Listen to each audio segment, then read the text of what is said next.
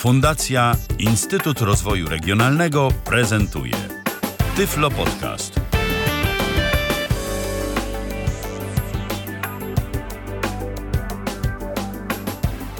Dobry wieczór, witam serdecznie w kolejnym Tyflo Podcaście. Z tej strony Ala Witek. Mam przyjemność e, gościć dziś e, Państwa Stanisława i Helenę Jakubowskich. Witam Państwa serdecznie.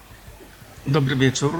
Na razie jestem sam przy mikrofonie. E, tak, tak, Żona na się później przywita. E, Pan Stanisław jest sam. E, Panie Stanisławie, korzystając z okazji, chciałam na początku bardzo serdecznie pogratulować nagrody, jaką przyznało Panu Forum Dostępnej Cyberprzestrzeni za szeroko pojęte propagowanie dostępności. Bardzo serdecznie gratuluję raz jeszcze i tym bardziej cieszę się, że mogę gościć Pana w Tyflo Podcaście. Dziękuję bardzo. Właśnie wczoraj odebrałem tę nagrodę na konferencji, która była zorganizowana w Warszawie z udziałem pełnomocnika rządu do spraw osób niepełnosprawnych i wielu e, znaczących osób e, z naszego środowiska i nie tylko, bo było reprezentowane również e, środowisko niesłyszących osób, którzy mają nieco inne problemy, ale też bardzo wielu z nich jest poza światem cyfrowym. Jest do nich trudniej nawet dotrzeć. Mimo sprzętu potrzebują ogromnej pomocy w zakresie specjalistycznego oprogramowania. Jasne. E, tak jak e, mówiłam, ogromnie się cieszę, e, mając Pana tak znamienitego gościa dziś w podcaście, ale dziś e, nie będziemy rozmawiać o dostępności cyfrowej. Będziemy za to rozmawiać o Braille'u w kontekście tego, m, jak Braille ma się e, na dziś, czy ma się dobrze, czy ma się źle czy warto tego Braille'a się uczyć. Porozmawiamy o tym, jak powinniśmy się uczyć, e, z jakich metod korzystać i e, także z tego mm, porozmawiamy także o tym, e, jakiego rodzaju wydawnictwa i zapisy brajlowskie e, są dziś dostępne i udostępniane. E, Jeśli będą Państwo mieli w trakcie naszego podcastu jakieś pytania do naszego gościa lub do naszych gości, bo później, tak jak już mówiliśmy, również małżonka Pana Stanisława dołączy do nas.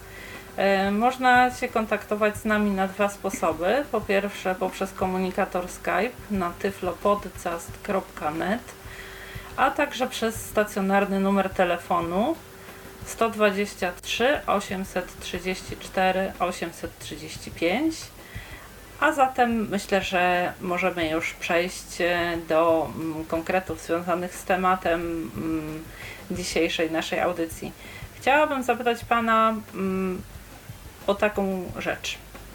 E, oczywiście e, żyjemy w dobie niebywałego postępu technicznego, coraz to nowe rozwiązania, coraz bardziej dostępna cyberprzestrzeń i wszelkiego rodzaju informacje m, pozyskujemy raczej drogą elektroniczną. E, Chciałabym zapytać o powody, dla których Pana zdaniem nadal warto uczyć się e, Braille'a, nadal e, osobom niewidomym Braille jest potrzebne. Jakie to powody? Ja może nawiążę do początków komputeryzacji drukarni. Wprawdzie o tym już mówiłem na Tyflo podcaście. Ten, te początki y, zaczęły się w Polskim Związku Niewidomych. Gru- Grupa, niewielka grupa osób kierowana przeze mnie w, roku 88-9 udało się y, przeprowadzić mm, taką komputeryzację w mini skali najpierw, y, to znaczy opracować oprogramowanie i uruchomić na drukarce papierowej y, drukowanie y, cyfrowe, no tak bym opracowanie tekstu cyfrowe i drukowanie cyfrowe, a potem y, na drukarce, która drukowała już na większe, o większe nakłady, to znaczy na blachach cynkowych. Dlaczego o tym wspominam? Bo od tego zaczęła się właśnie komputeryzacja środowiska niewidomych. To był impuls, który właściwie uruchomił tę, tę lawinę albo otworzył puszkę Pandory, jak kto woli. E, Równolegle, nieomal, e, kończyły się prace nad e, mową, mową syntetyczną. To był pan Konrad Łukaszewicz, który kończył opracowywać y, w Polskiej Akademii Nauk y, jeden syntezator mowy, a drugi syntezator y, przygotowała grupa osób prywatnych, właściwie tandem osób prywatnych, pan Jan Grębecki z panem Markiem Kalbarczykiem. I ta mowa syntetyczna ukazała się, o ile dobrze pamiętam, już na początku 90 roku, ale właśnie impulsem do przyspieszenia tych prac i do skonkretyzowania była właśnie komputeryzacja drukarni.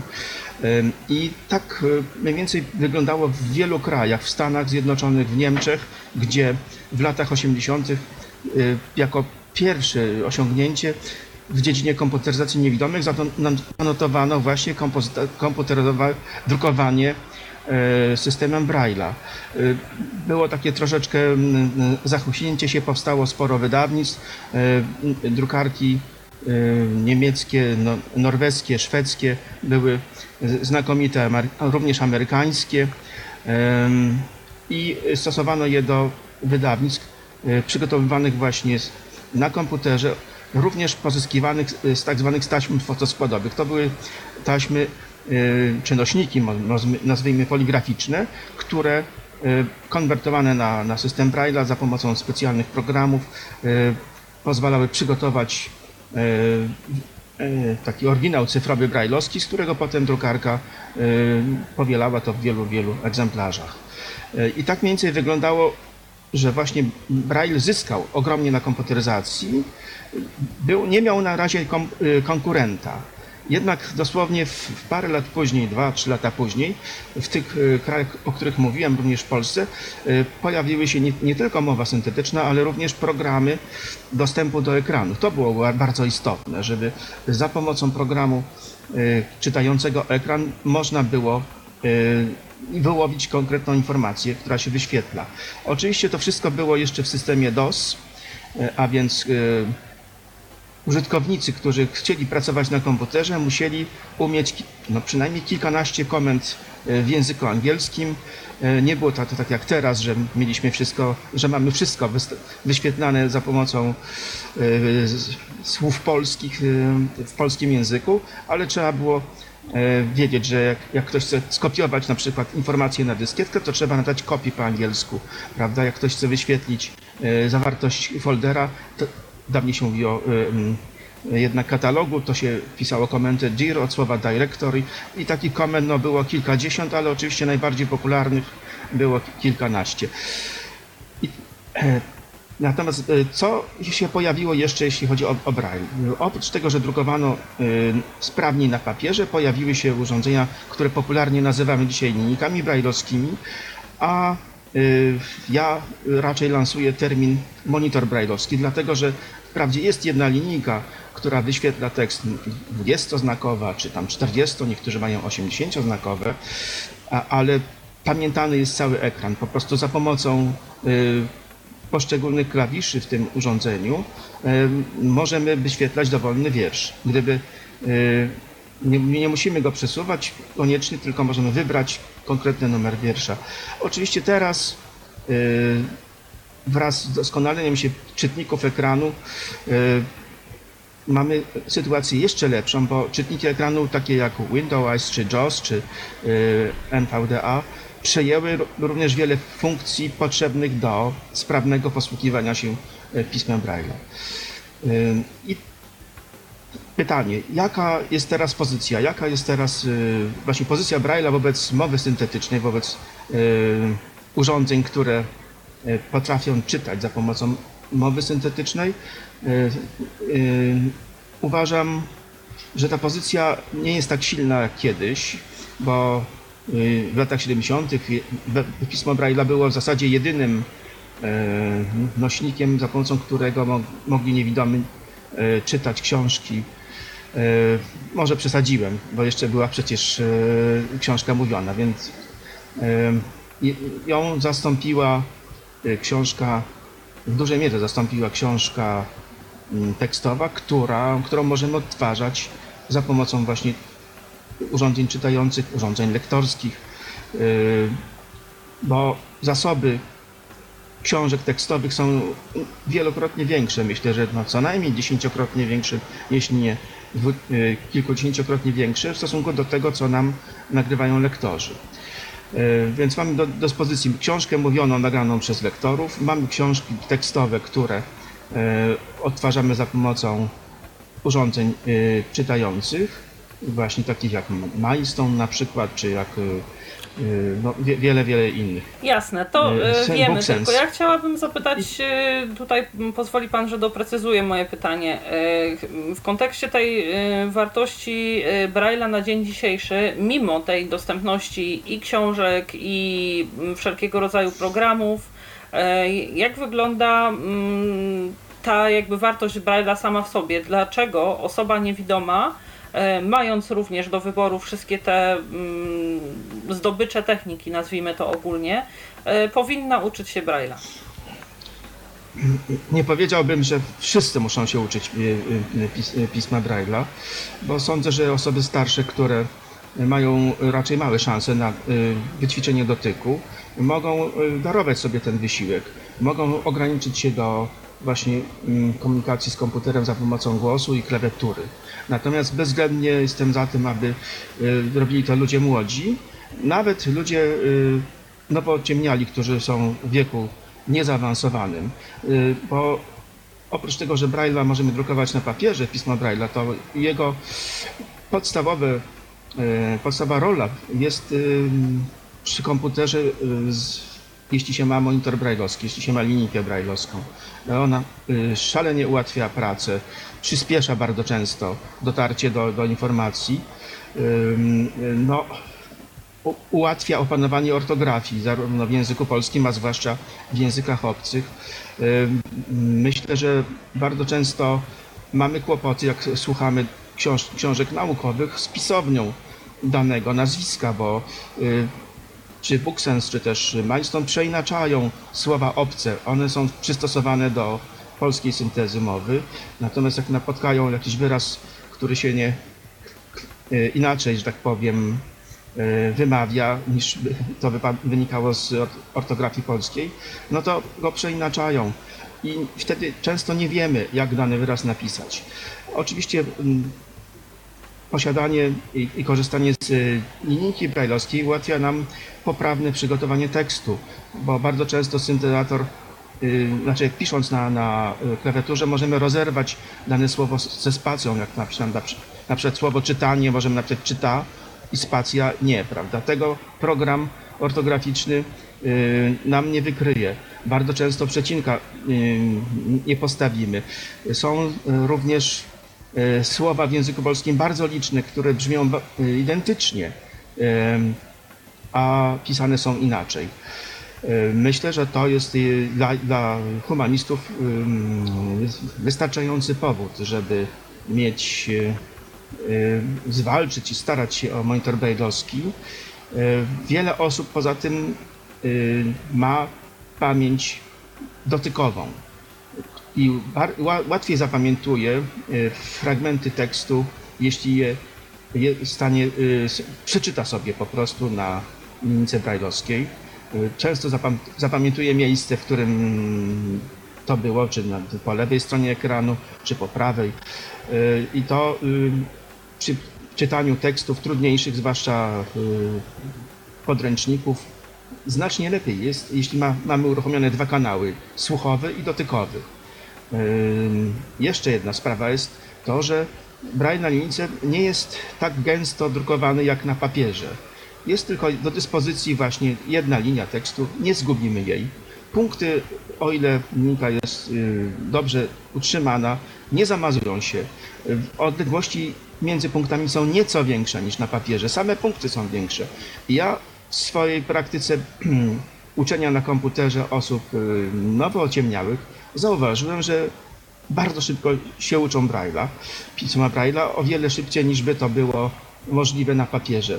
Z dwóch powodów. Jeden to o, o, o tym mówiłem właśnie o ym, mniejszym skomplikowaniu, mniejszym zagęszczeniu punktów, ale drugi istotny powód jest y, to, że słyszą również to, co syntezator mówi, ym, więc mogą sa- sam, same sobie korygować, sprawdzać, y, czy rzeczywiście dobrze odczytały dany tekst.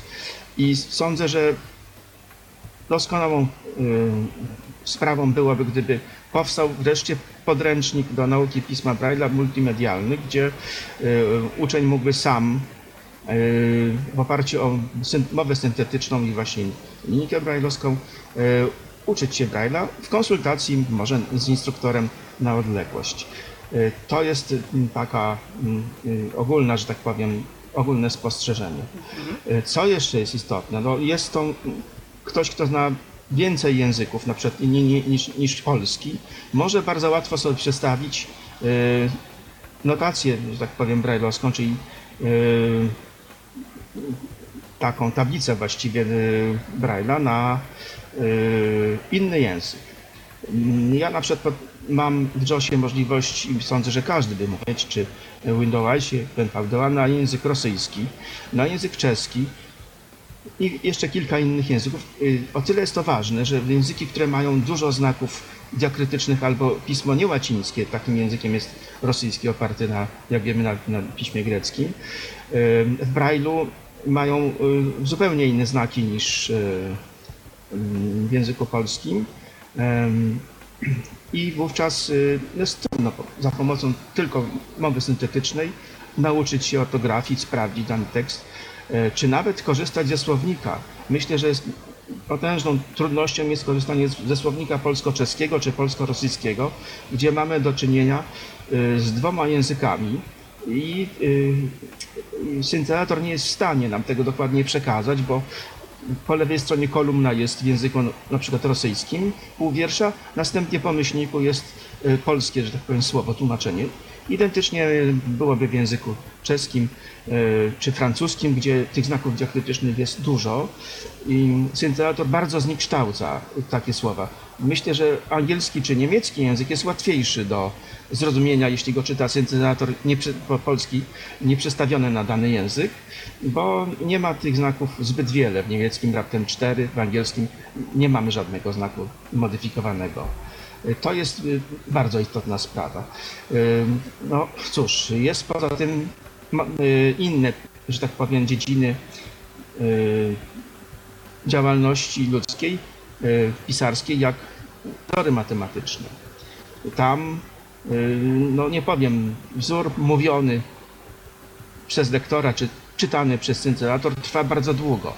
W Braille'u jesteśmy go w stanie kilkakrotnie szybciej przeczytać, przenieść się o linijkę wyżej, niżej, na, na, nową stronę.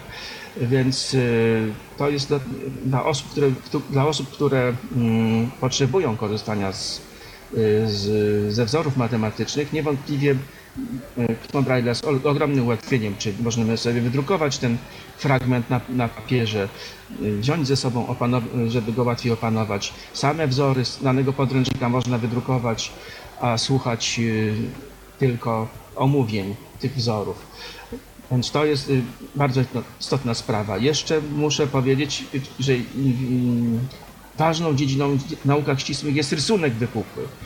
Nie tylko właśnie te litery, nie tylko znaki, ale możliwość pokazania osobie niewidomej, jak wygląda funkcja, jak wygląda hiperbola, jak wygląda parabola, jak wyglądają różne krzywe, które się nakładają właśnie w fizyce czy matematyce, odzwierciedlając ruch y, jednostajny, przyspieszony. To są znakomite efekty można uzyskać, bo drukarkami, drukarki, które obecnie są już na świecie i w Polsce, potrafią nam nawet oddawać nie tylko dokładny kształt, dokładniejszy niż dawniej to robiono za pomocą punktów, ale linii ciągłych, prawda, bardzo drobnych punktów.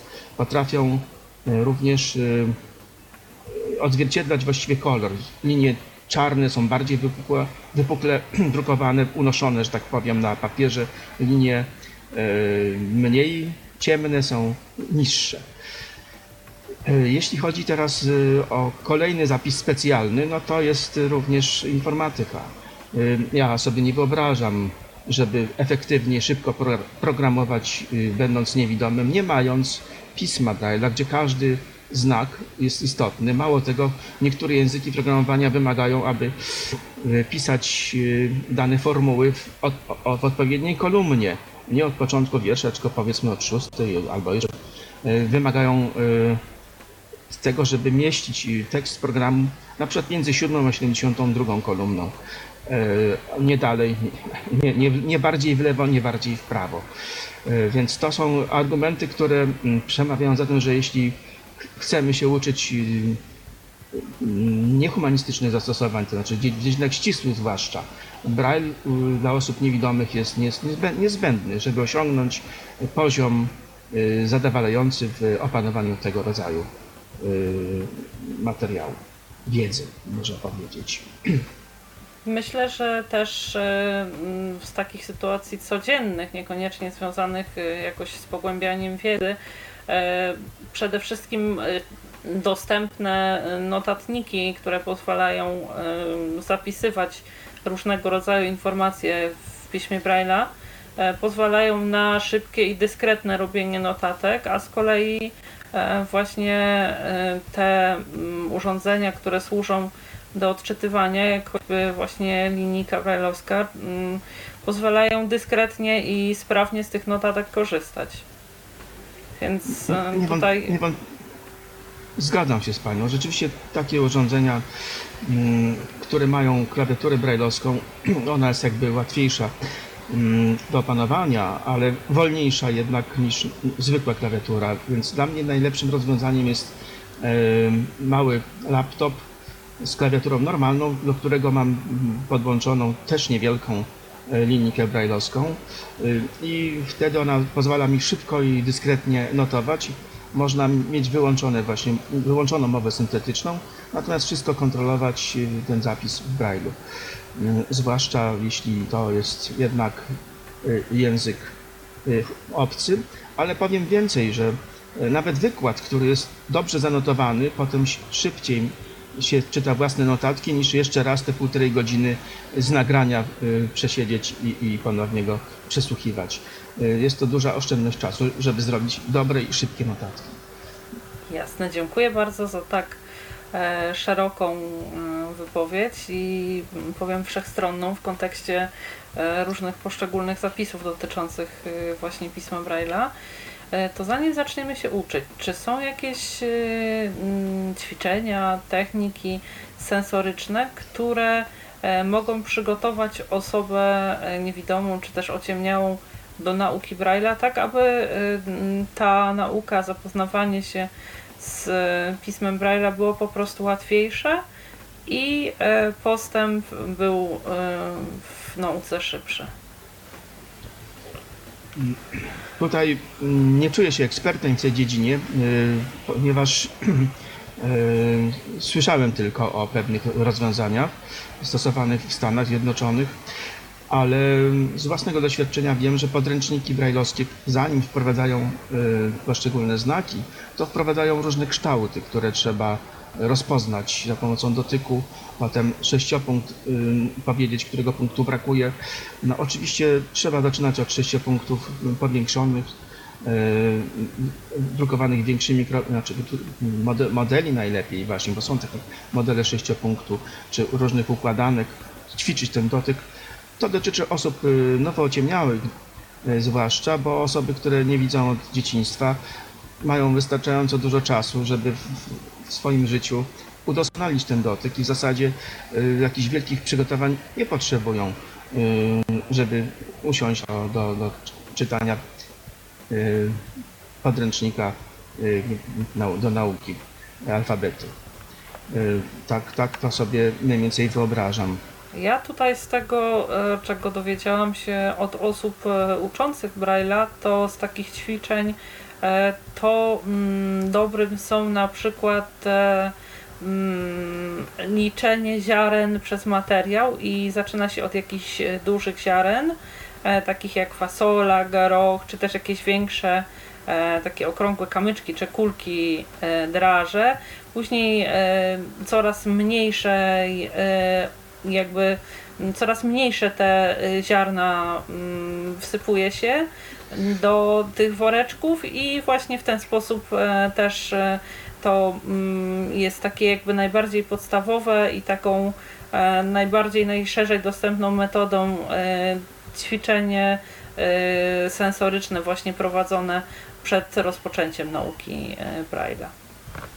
Więc tutaj z moich, że tak powiem, źródeł tyle udało mi się jakoś udało mi się tyle jakoś tutaj dowiedzieć. To teraz, jeśli Pan pozwoli, chciałabym przez chwileczkę porozmawiać o nauce Mm, Braille'a u e, osób e, dorosłych, dzieci, osób widzących, e, to zacznijmy może chronologicznie. Jaka metoda nauczania Braille'a sprawdza się w na, nauczaniu dzieci i jaki jest ten optymalny wiek, w którym dziecko powinno już e, rozpocząć e, mm, naukę Braille'a. Oczywiście mówimy o, o dziecku niewidomym. Ja mam większe doświadczenie w nauczaniu dorosłych, e, prawdę mhm. mówiąc, bo tutaj wiele osób nau nauczyłem skutecznie. Natomiast z tego, co zaobserwowałem i mm, w innych szkołach i z własnych doświadczeń, uważam, że wiek rozpoczęcia Y, nauki czytania dla osób niewidomych właśnie za pomocą dotyku można porównać do y, czytania za pomocą wzroku u dzieci widzących. Y, uważam, że jeśli dziecko jest sprawne intelektualnie, myślę tutaj o dziecku niewidomym, no to nie ma powodu, żeby czekać aż do klasy do, do siódmego roku życia. Można to zacząć 2-3 lata wcześniej poprzez zabawę, poprzez uczenie poszczególnych literek i to właściwie równolegle, bo trzeba by uczyć literek wypukłych e, pisma ludzi widzących, który to się bardzo, bardzo przydaje, bo często są porównania różnych e, zjawisk, różnych efektów do liter zwykłych, czarnodrukowych powiedzmy, i wtedy mm, dzieci nie, nie bardzo są w stanie odebrać taką informację. E, równolegle można uczyć właśnie punkt, e, pisma punktowego, jak to się e, często nazywa pismo brajlowskie. I stopniowo komplikując oczywiście układ tych punktów. Jestem absolutnie zwolennikiem, żeby uczyć czytania za pomocą obydwu rąk. Mało tego, czytać nie tylko palcami wskazującymi, ale trzema palcami prawej i trzema palcami y, lewej ręki. Ja specjalnie ćwiczyłem potem, już będąc prawie dojrzałym człowiekiem, prawą rękę, żeby y, czytać samodzielnie teksty, mm, po to, żeby mm, ona nie pełniła tylko roli pomocniczej, tylko nieomal taką samą jak dłoń lewa, dzięki czemu uzyskałem znaczną poprawę szybkości Braille'a. W swoim, yy, yy, swojej karierze, że tak powiem, spotkałem osoby, nawet w Polsce kilka osób za granicą, które czytały tak szybko jak osoby widzące pismo Braille'a właśnie dzięki temu, że zwiększyły powierzchnię yy, odbierania impulsów dotykowych poprzez przesuwanie yy, obydwu dłoni. Lewa dłoń obsługiwała pół linijki tekstu, lewe pół linijki, prawa, prawo prawą pół linijki, prawda? I nie traciły czasu na ten powrót obydwu dłoni do początku wiersza. E, to e, takie mam doświadczenia, e, może trochę rewolucyjne, ale uważam je za słuszne i jeśli nie uczy się właśnie dzieci w ten sposób czytać, to jest to wielka szkoda, bo można uzyskać znacznie lepsze efekty. Mówię o czytaniu na papierze, gdyż jeśli mówimy o czytaniu na, na, na komputerze, to e, powrót do linijki się osiąga w inny sposób. E, można to zrobić albo poprzez naciskanie strzałki w dół na komputerze, albo ustawić, jest taka możliwość, tekstu do, do czytania ciągłego, niezbyt szybkiego, wtedy, że tak powiem, Braille przesuwa się pod naszymi palcami samoczynnie. E, niektóre urządzenia mają takie, mm, możli taką możliwość, no i myślę, że niektóre programy też można by e, tak przy, przystosować. 19.30. To mm, dziękuję bardzo. To zapytam jeszcze w kwestii uczenia najmłodszych. E, jakie narzędzia uważa Pan za najbardziej takie odpowiednie do uczenia dzieci? Czy to powinno być rzeczywiście tym schematem takim tabliczka, maszyna, linijka, czy e, tutaj powinno się zwracać uwagę albo na indywidualne predyspozycje, albo e, zaczynać od e, tych form elektronicznych? myślę, że mamy podobną sytuację jak osoby widzące. To znaczy, osoby widzące lubią czytać książki na papierze i wiele z nich niechętnie czyta na ekranach czy na, na różnych wyświetlaczach. I e, podobnie dotyczy to y, moje spostrzeżenie osób y, niewidomych. Y, Szybkości, takiej biegłości w czytaniu można nabrać jednak na papierze, bo mamy tam całą przestrzeń, prawda, i możemy szybko czytać. Natomiast czytać w sposób wybiórczy, wspomagany mową syntetyczną i dokładny, prawda, zważając na rozmieszczenie i dokładną pisownię danego fragmentu, bardzo dobrze jest czytać y, na monitorze brajlowskim. Oczywiście monitor brajlowski jest kapitalny i technika komputerowa do edycji, do przygotowania tego tekstu, y, własnego tekstu na przykład, albo do sporządzenia notatek. Jest tutaj niezastąpiona. Sądzę, że rysik i maszyna brajlowska, no to tako demonstrujące powinny być wprowadzane. Rysik brajlowski się przydaje zawsze, bo są, są w użyciu takie malutkie tabliczki, które można ze sobą brać i coś sobie zanotować po prostu, albo nawet na taśmie tak zwane daimo, podpisywać yy, yy, dane przedmioty na taśmie i potem na, na, yy, naklejać po prostu na, na segregatorach, czy na, na, na kasetach, na, na yy, opakowaniach różnych. Tabliczka się do tego ba bardzo przydaje. Oczywiście niezależnie od różnych penfriendów, bo jednak y, mm, nie zawsze mamy taką możliwość, żeby mieć pen- penfrienda i wystarczającą ilość etykiet. Y, Co braille, to braille, muszę powiedzieć, o wiele szybciej się tutaj dociera do informacji. Także jestem y, za uczeniem pisania na tabliczką po to, żeby opanować wyobraźnia sobie wy, wy, wyćwiczyć ucznia, jak wygląda sześciopunkt, jak te y, literki powstają. Również na maszynie, ale dla- dlaczego na maszynie? Dlatego, że potem urządzenie, najczęściej urządzenia właśnie, o których mówiliśmy wcześniej, y, notatniki jak y, Braillite mają klawiaturę brailleowską. Niektóre programy nawet są komputerowe takie, że zapisujemy za pomocą sześciu punktów. E, Na przykład matematykę moim zdaniem jest łatwiej zapisać e, właśnie używając takiej klawiatury maszyny do pisania nawet na komputerze właśnie symulowanej e, klawiatury brajlowskiej. Mm, Dlatego mm, trzeba uwzględniać po prostu metody nauczania do sytuacji, jaka, jaka ma miejsce.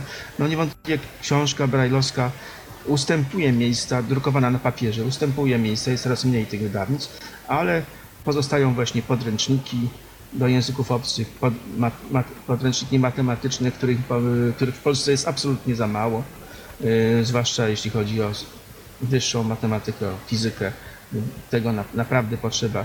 Uważam, że wiele osób o zdolnościach ścisłych, z konieczności studiuje dyscypliny humanistyczne, dlatego że no właśnie brakuje tych materiałów Braille'u, brakuje metod y, łatwych y, do przyswajania informacji. Oni wolą sobie skanować dany tekst z socjologii, czy historii, czy jeszcze innych dyscyplin y, humanistycznych, niż męczyć się na wykładzie matematycznym, na którym wykładowca nie mówi wszystkiego, tylko smaruje kredą po tablicy. Gdyby powstały materiały właśnie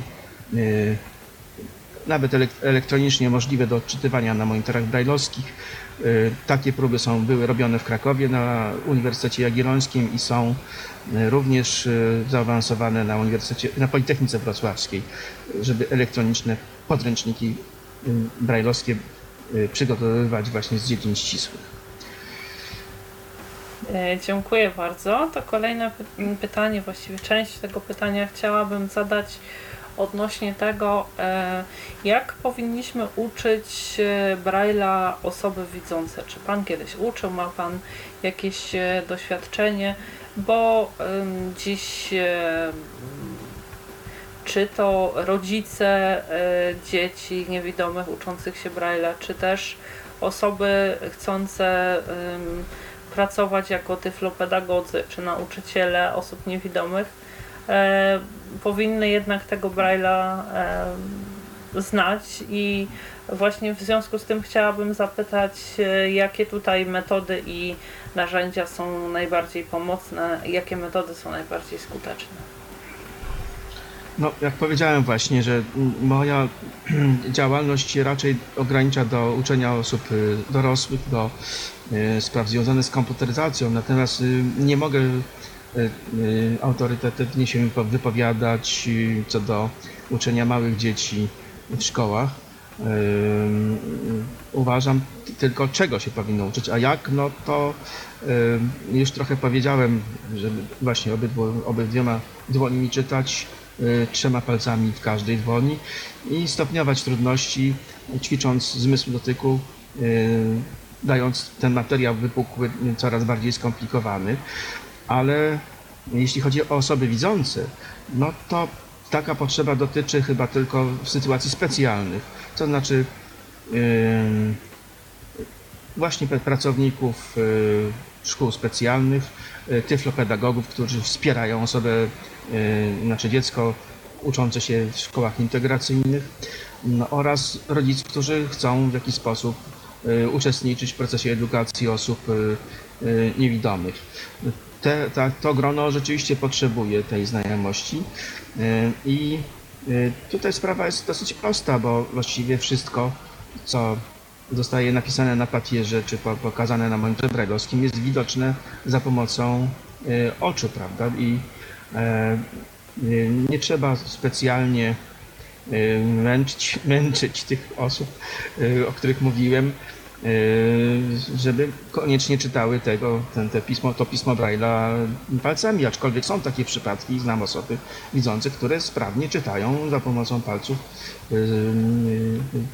właśnie z papieru zadrukowanego Braille'em. Ja proponuję, żebyśmy teraz może odebrali telefon, bo mamy słuchacza na linii. Konkretnie dodzwonił się do nas Raymond.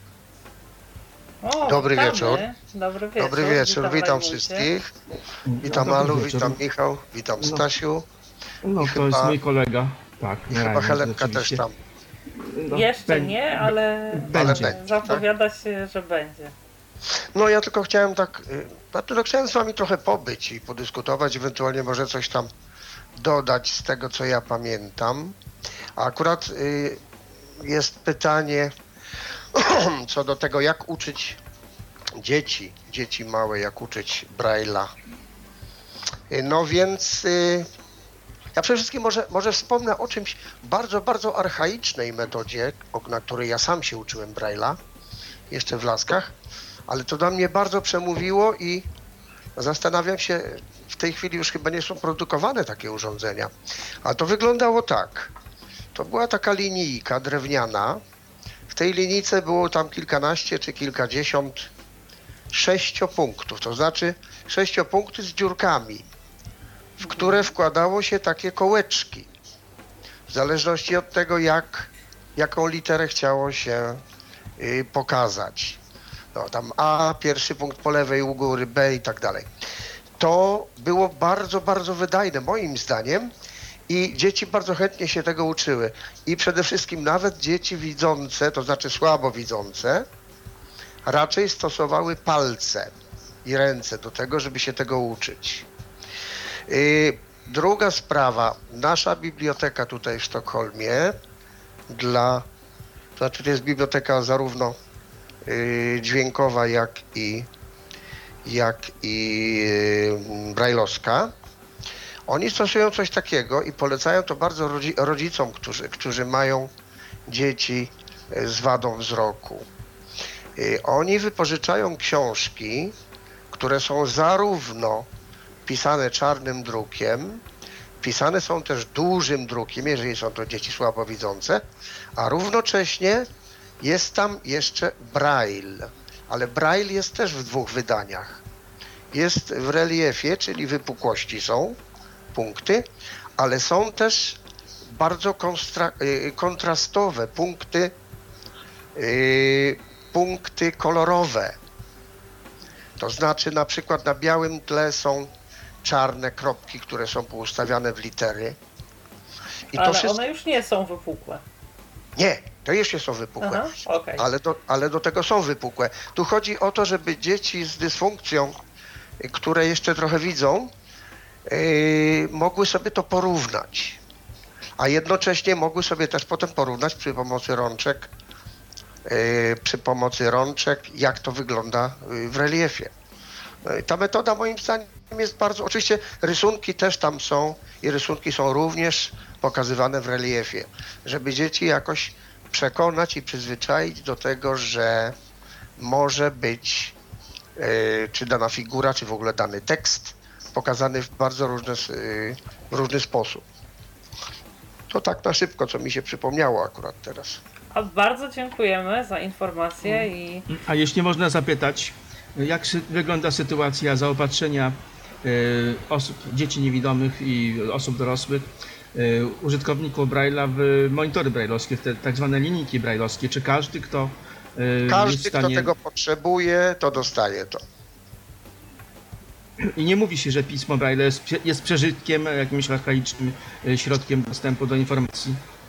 Nie, nie, to znaczy trochę się podnosi y, tutaj niepokój, że tych ludzi, którzy chcą się uczyć Braille'a, zarówno dzieci, jak i dorosłych, jest coraz mniej.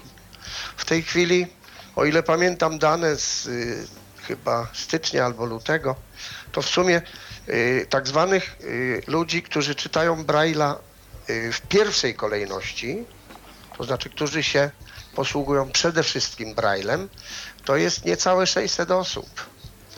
Ludzie, No, którzy Szwecja. w całym kraju, ale Szwecja ma 8 milionów, prawda? Czy No właśnie, właśnie. Y, ludzi, którzy czytają Braille'a jako swoją drugą umiejętność, to znaczy posługują się zarówno y, powiększalnikami i, i jakimiś y, no, no, y, czarnym drukiem w jakikolwiek sposób, czy elektroniczny, czy, czy też przez lupę, jest gdzieś około około chyba dwóch tysięcy o ile pamiętam dobrze. Także no nie jest wielu, a to się zmniejszyło już od przynajmniej 20 lat, to, się, to jest, jest tendencja cała, cała tendencja jest spadkowa. No, o, o ile to jest to, pra, para, jest to paradoksalnie trochę mm, przebiega, ponieważ Szwecja i Norwegia y, obok Stanów Zjednoczonych to są kraje, gdzie powstawały znakomite drukarki brajlowskie. Przecież pamiętamy dru- całą serię zgadza drukarek Index, prawda? Czy Braille'o norweski. Prawda, oczywiście. No i Niemcy też y, y, produkowały, Też, produkowały i produkują. Tilla zwłaszcza, tak. Tilla drukarki są To jest, dobre.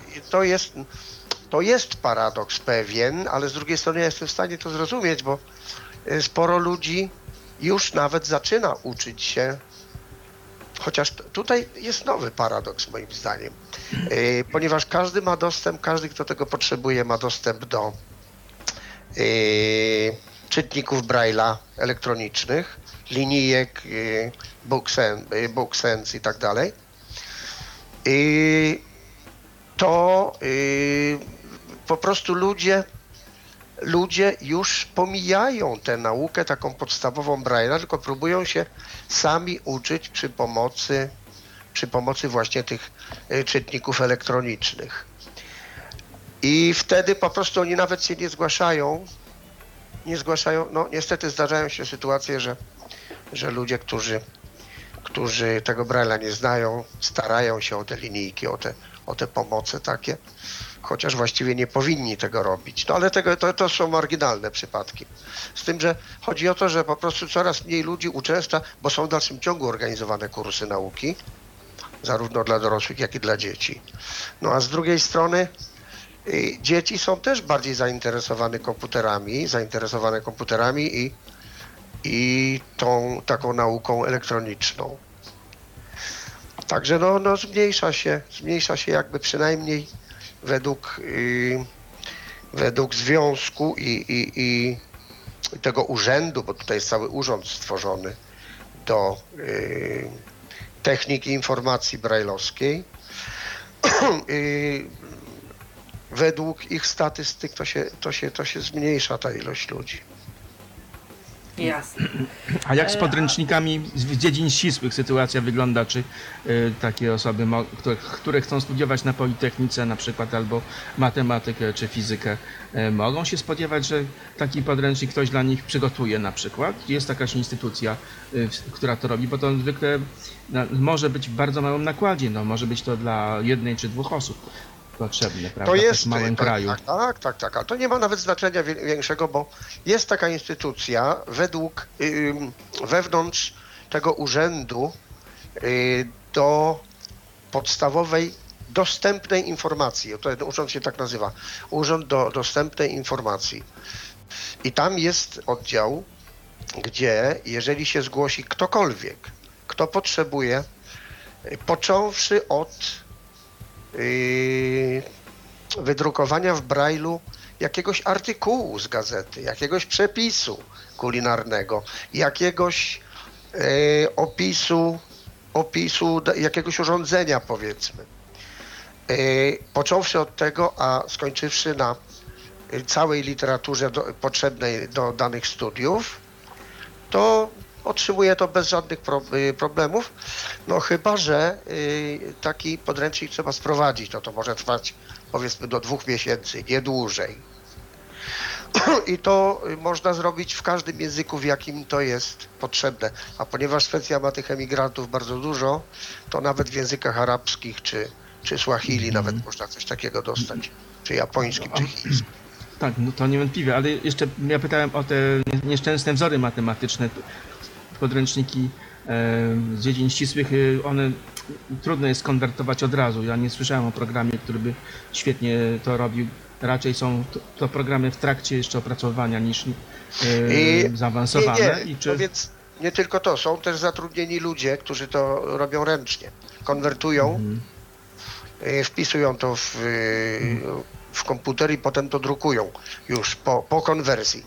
Oczywiście nie wszystkie programy, albo niewiele programów jest w stanie to opanować, ale y, aż tak, aż tak głębokiej wiedzy na ten temat to ja nie mam, nie wiem jak to wygląda.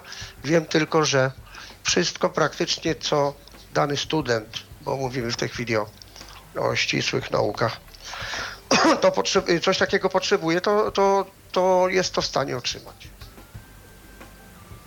Jasne. Bardzo dziękujemy za telefon i miło, No, bardzo. że chciałeś z nami pobyć i, No i pewnie, pewnie. też opowiedzieć No. nam, e, jak e, wygląda to w Szwecji. Ja jeszcze tutaj, e, panie Stanisławie, jeśli pan pozwoli, Ja też bardzo dziękuję Rajmondowi Bo za ja taką... dziękuję Stasiu i kompetentną no, jeszcze wypowiedź. prawda? No właśnie, na pewno tak. Jeszcze usłyszymy. Dziękuję Jak, ja będę was słuchał dalej. Jeżeli będzie jakieś pytanie, na które będę w stanie odpowiedzieć, albo Stasiu będziesz potrzebował pomocy czy podparcia się, to ja zadzwonię jeszcze raz. Dziękuję Jasne, bardzo. serdecznie No. zapraszamy. E, ja tu, tutaj na marginesie jeszcze e, pozwolę sobie w kwestii adaptacji tych e, materiałów dla mm, studentów kierunków ścisłych dopowiedzieć, że również w Tyflo Podcaście e, gościł e, przedstawiciel e, Bonu krakowskiej AGH e, i właśnie też e, tutaj e, rozmawialiśmy na, na temat tego, na temat em, szans, możliwości studiowania e, przez osoby e, niewidome właśnie tych kierunków, e, które proponuje e, AGH i oni e, s, oczywiście trudno jest mi mówić o zakresie, bo nie e, ani nie jestem dobrze zorientowana mm, co do konkretnych jakichś materiałów, ani do tego, jaki zakres wiedzy te mm, materiały przez nich adaptowane e, obejmują. Natomiast e, e, właśnie mówił, e, opowiadał Pan o tym, że też e, bardzo dużo wysiłku wkładają w to, żeby e, studentom e, wszelkiego rodzaju właśnie rysunki, podręczniki, jakieś materiały przydatne do ćwiczeń przygotowywać właśnie w tych dostępnych formach dla nich. No to miła wiadomość, ale dobrze byłoby, żeby uczelnie techniczne jakby zjednoczyły się w tym wysiłku, bo wiem, że Wrocław, czyli Poli- Politechnika Wrocławska też takie podręczniki przygotowuje własnych, że tak powiem, pracowników. E, no a Nie słyszałem, żeby powstała jakaś taka wspólna inicjatywa. Poza tym powstaje program, chyba już nawet jest gotowy, który przekłada pismo, znaczy zapis edytora matematycznego LaTeX na pismo Braille'a to pod e, egidą firmy Altix już od kilku lat taki program jest przygotowywany. Nie wiem na ile on jest gotowy, ale problem w tym, że program jest, który z latecha przekłada, natomiast tych podręczników jakoś nie widać w latechu, które e, miały być przygotowane e, przez autorów. Tego ja w swojej działalności rzadko bardzo mi się udaje coś takiego znaleźć, czy na, o, słyszeć o, takiej, o takim zapisie. Dobrze, to e, może teraz e, porozmawiajmy o tych takich aspektach Braille'a praktycznych już w konkretnym stosowaniu, ale jednak e, bardziej zaawansowanych. E, chciałabym zapytać e, właściwie o takie tłumaczenie z polskiego na nasze. E, gdyby miał Pan zwykłemu użytkownikowi Braille'a wytłumaczyć kilka pojęć takich i zasad, na przykład może na początek, e, czym jest konterakcja w Braille'u? Mm, a, może pani powtórzyć, bo ja chyba nie wiem, co to jest. E, ko kontrakcja. A, kontrakcja. Kontrakcja, no tak, no to jest ten, takie tłumaczenie angielskiego słowa contraction, czyli skrót brajlowski. To są skróty brajlowskie, które powstały w językach europejskich, najpierw w języku angielskim, prawie równolegle we francuskim i niemieckim. Niemcy na to nazywają Kurzschriften, Francuzi Abrege i te skróty to jest cały system, który skraca najczęściej spotykane w danym języku pisanym e, zbiegi literowe. Powiedzmy w polskim byłoby to CH, RZ, SZ, prawda? W niemieckim by to było UNG na przykład, po angielsku by to było THE albo mm, powiedzmy e, SH, y, no, po francusku byłoby to na przykład EAU albo OU, no to zależy od, od języka oczywiście. Czyli to są zbiegi to konkretnych są, liter, nie to są wpisywane konkretne zna... słowa, tylko Nie, nie, to nie, nie, nie, tak? nie tylko, nie tylko, to są, to są, mhm. na, to są, to jest pierwsza grupa skrótów. Druga grupa skrótów, która odzwierciedla część słów, nie tylko te naj, naj, najczęstsze, ale na przykład no, ym, y, po, po, po, polsku by to było na przykład gdy i można by to zastosować do słowa nigdy, prawda, czy gdykolwiek. Y, natomiast y, trzecia grupa skrótów to jest taka, która potrafi skrócić całe wyrazy, no, często spotykane w danym języku, no i w języku polskim niewątpliwie takimi częstymi słowami no to jest ale, prawda, mm, więc, no tam jeszcze się bardzo często i na, pod, przyimki, prawda, zaimki. E, więc w ślad za tym powstały skróty w języku, e, dla języka polskiego. Były opracowane e, w dwóch ośrodkach właściwie, w Bydgoszczy i w Laskach, ale te w Laskach są o wiele bardziej popularne, były popularne bardzo. Powstały jeszcze przed II wojną światową. Bodajże prace zostały zakończone w 1932 roku. Ja sam w szkole e, podstawowej, czy też na dalszych etapach edukacji e, używałem bez przerwy tych skrótów właśnie, bo e, pisałem na tablicy, o wiele szybciej było pisać, ale co ciekawe, mówi się wyraźnie osoby, które mają do czynienia z pismem skróconym, E, a znam takie właśnie w Niemczech czy w Anglii, mówią, że szybciej się czyta po jakimś okresie takim e, opanowania e, wstępnym, potem się osiąga o wiele no, nieomal o jedną trzecią większą szybkość w czytaniu skrótami niż czytaniu normalnego pisma, nieskróconego, tak zwanego integralnego pisma.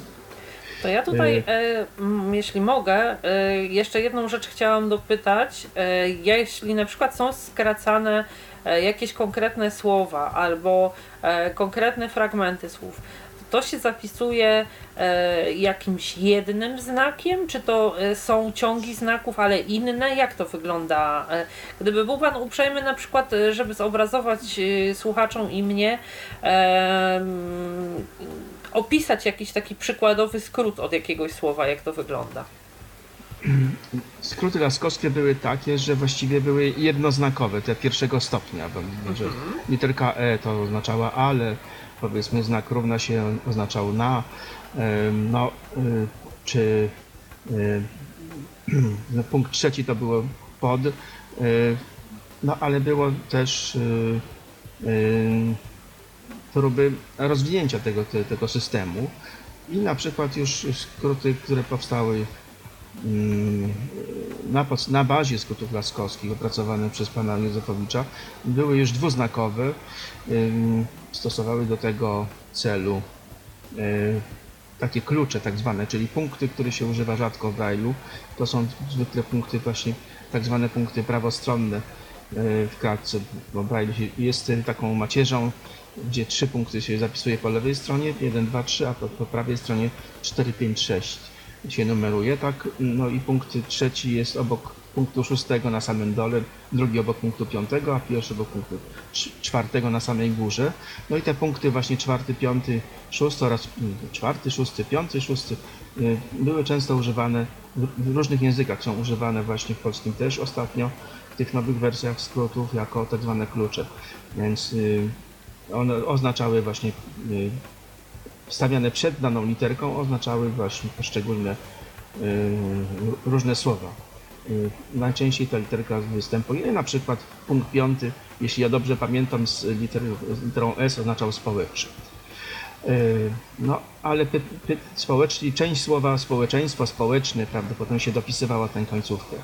No ale teraz jest pytanie nad, nad sensem używania skrótów. No, to jest dylemat, y, którego ja nie potrafię rozstrzygnąć po prostu.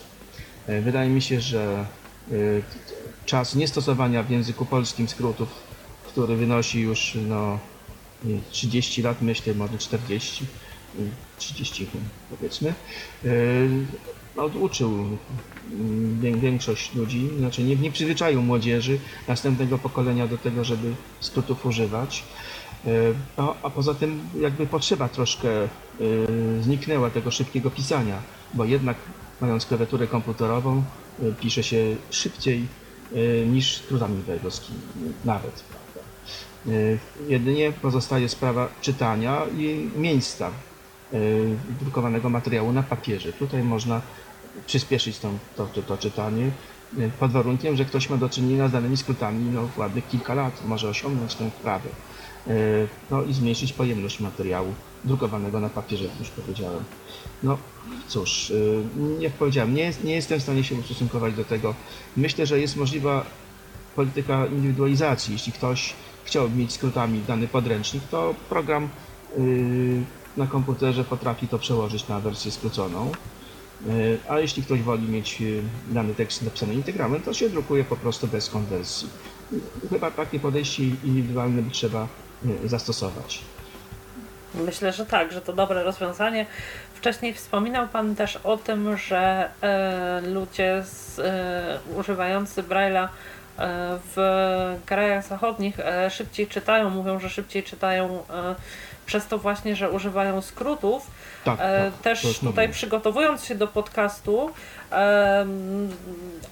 uzyskałam takie informacje, że mm, nie pamiętam już dokładnie, które to konkretnie były e, keraje, ale e, uczy się osoby niewidome najpierw tego pisma skrótowego, a później jest ono tak jakby dopiero uzupełniane, rozwijane o tą e, Tak, pisownię tak, taką zasadniczą. Tak, tak. Czy może Tak. z tego bierze się ta wprawa właśnie w czytaniu tymi skrótami i czytania Braille'a szybciej niż Tak, tego... ja spotkałem taką, taką metodę będąc w Stanach Zjednoczonych, właśnie we środku mm, e, Hadley School for the Blind i tam mówiono, że u nich uczy się od razu e, osoby czytające, dzieci właśnie z, pisma skróconego, tych właśnie contractions, czyli pisma skrótowego, dlatego że y, y, jest to zachęta wielka dla osoby, która przeczyta jeden znak albo dwa znaki, już ma cały wyraz, prawda?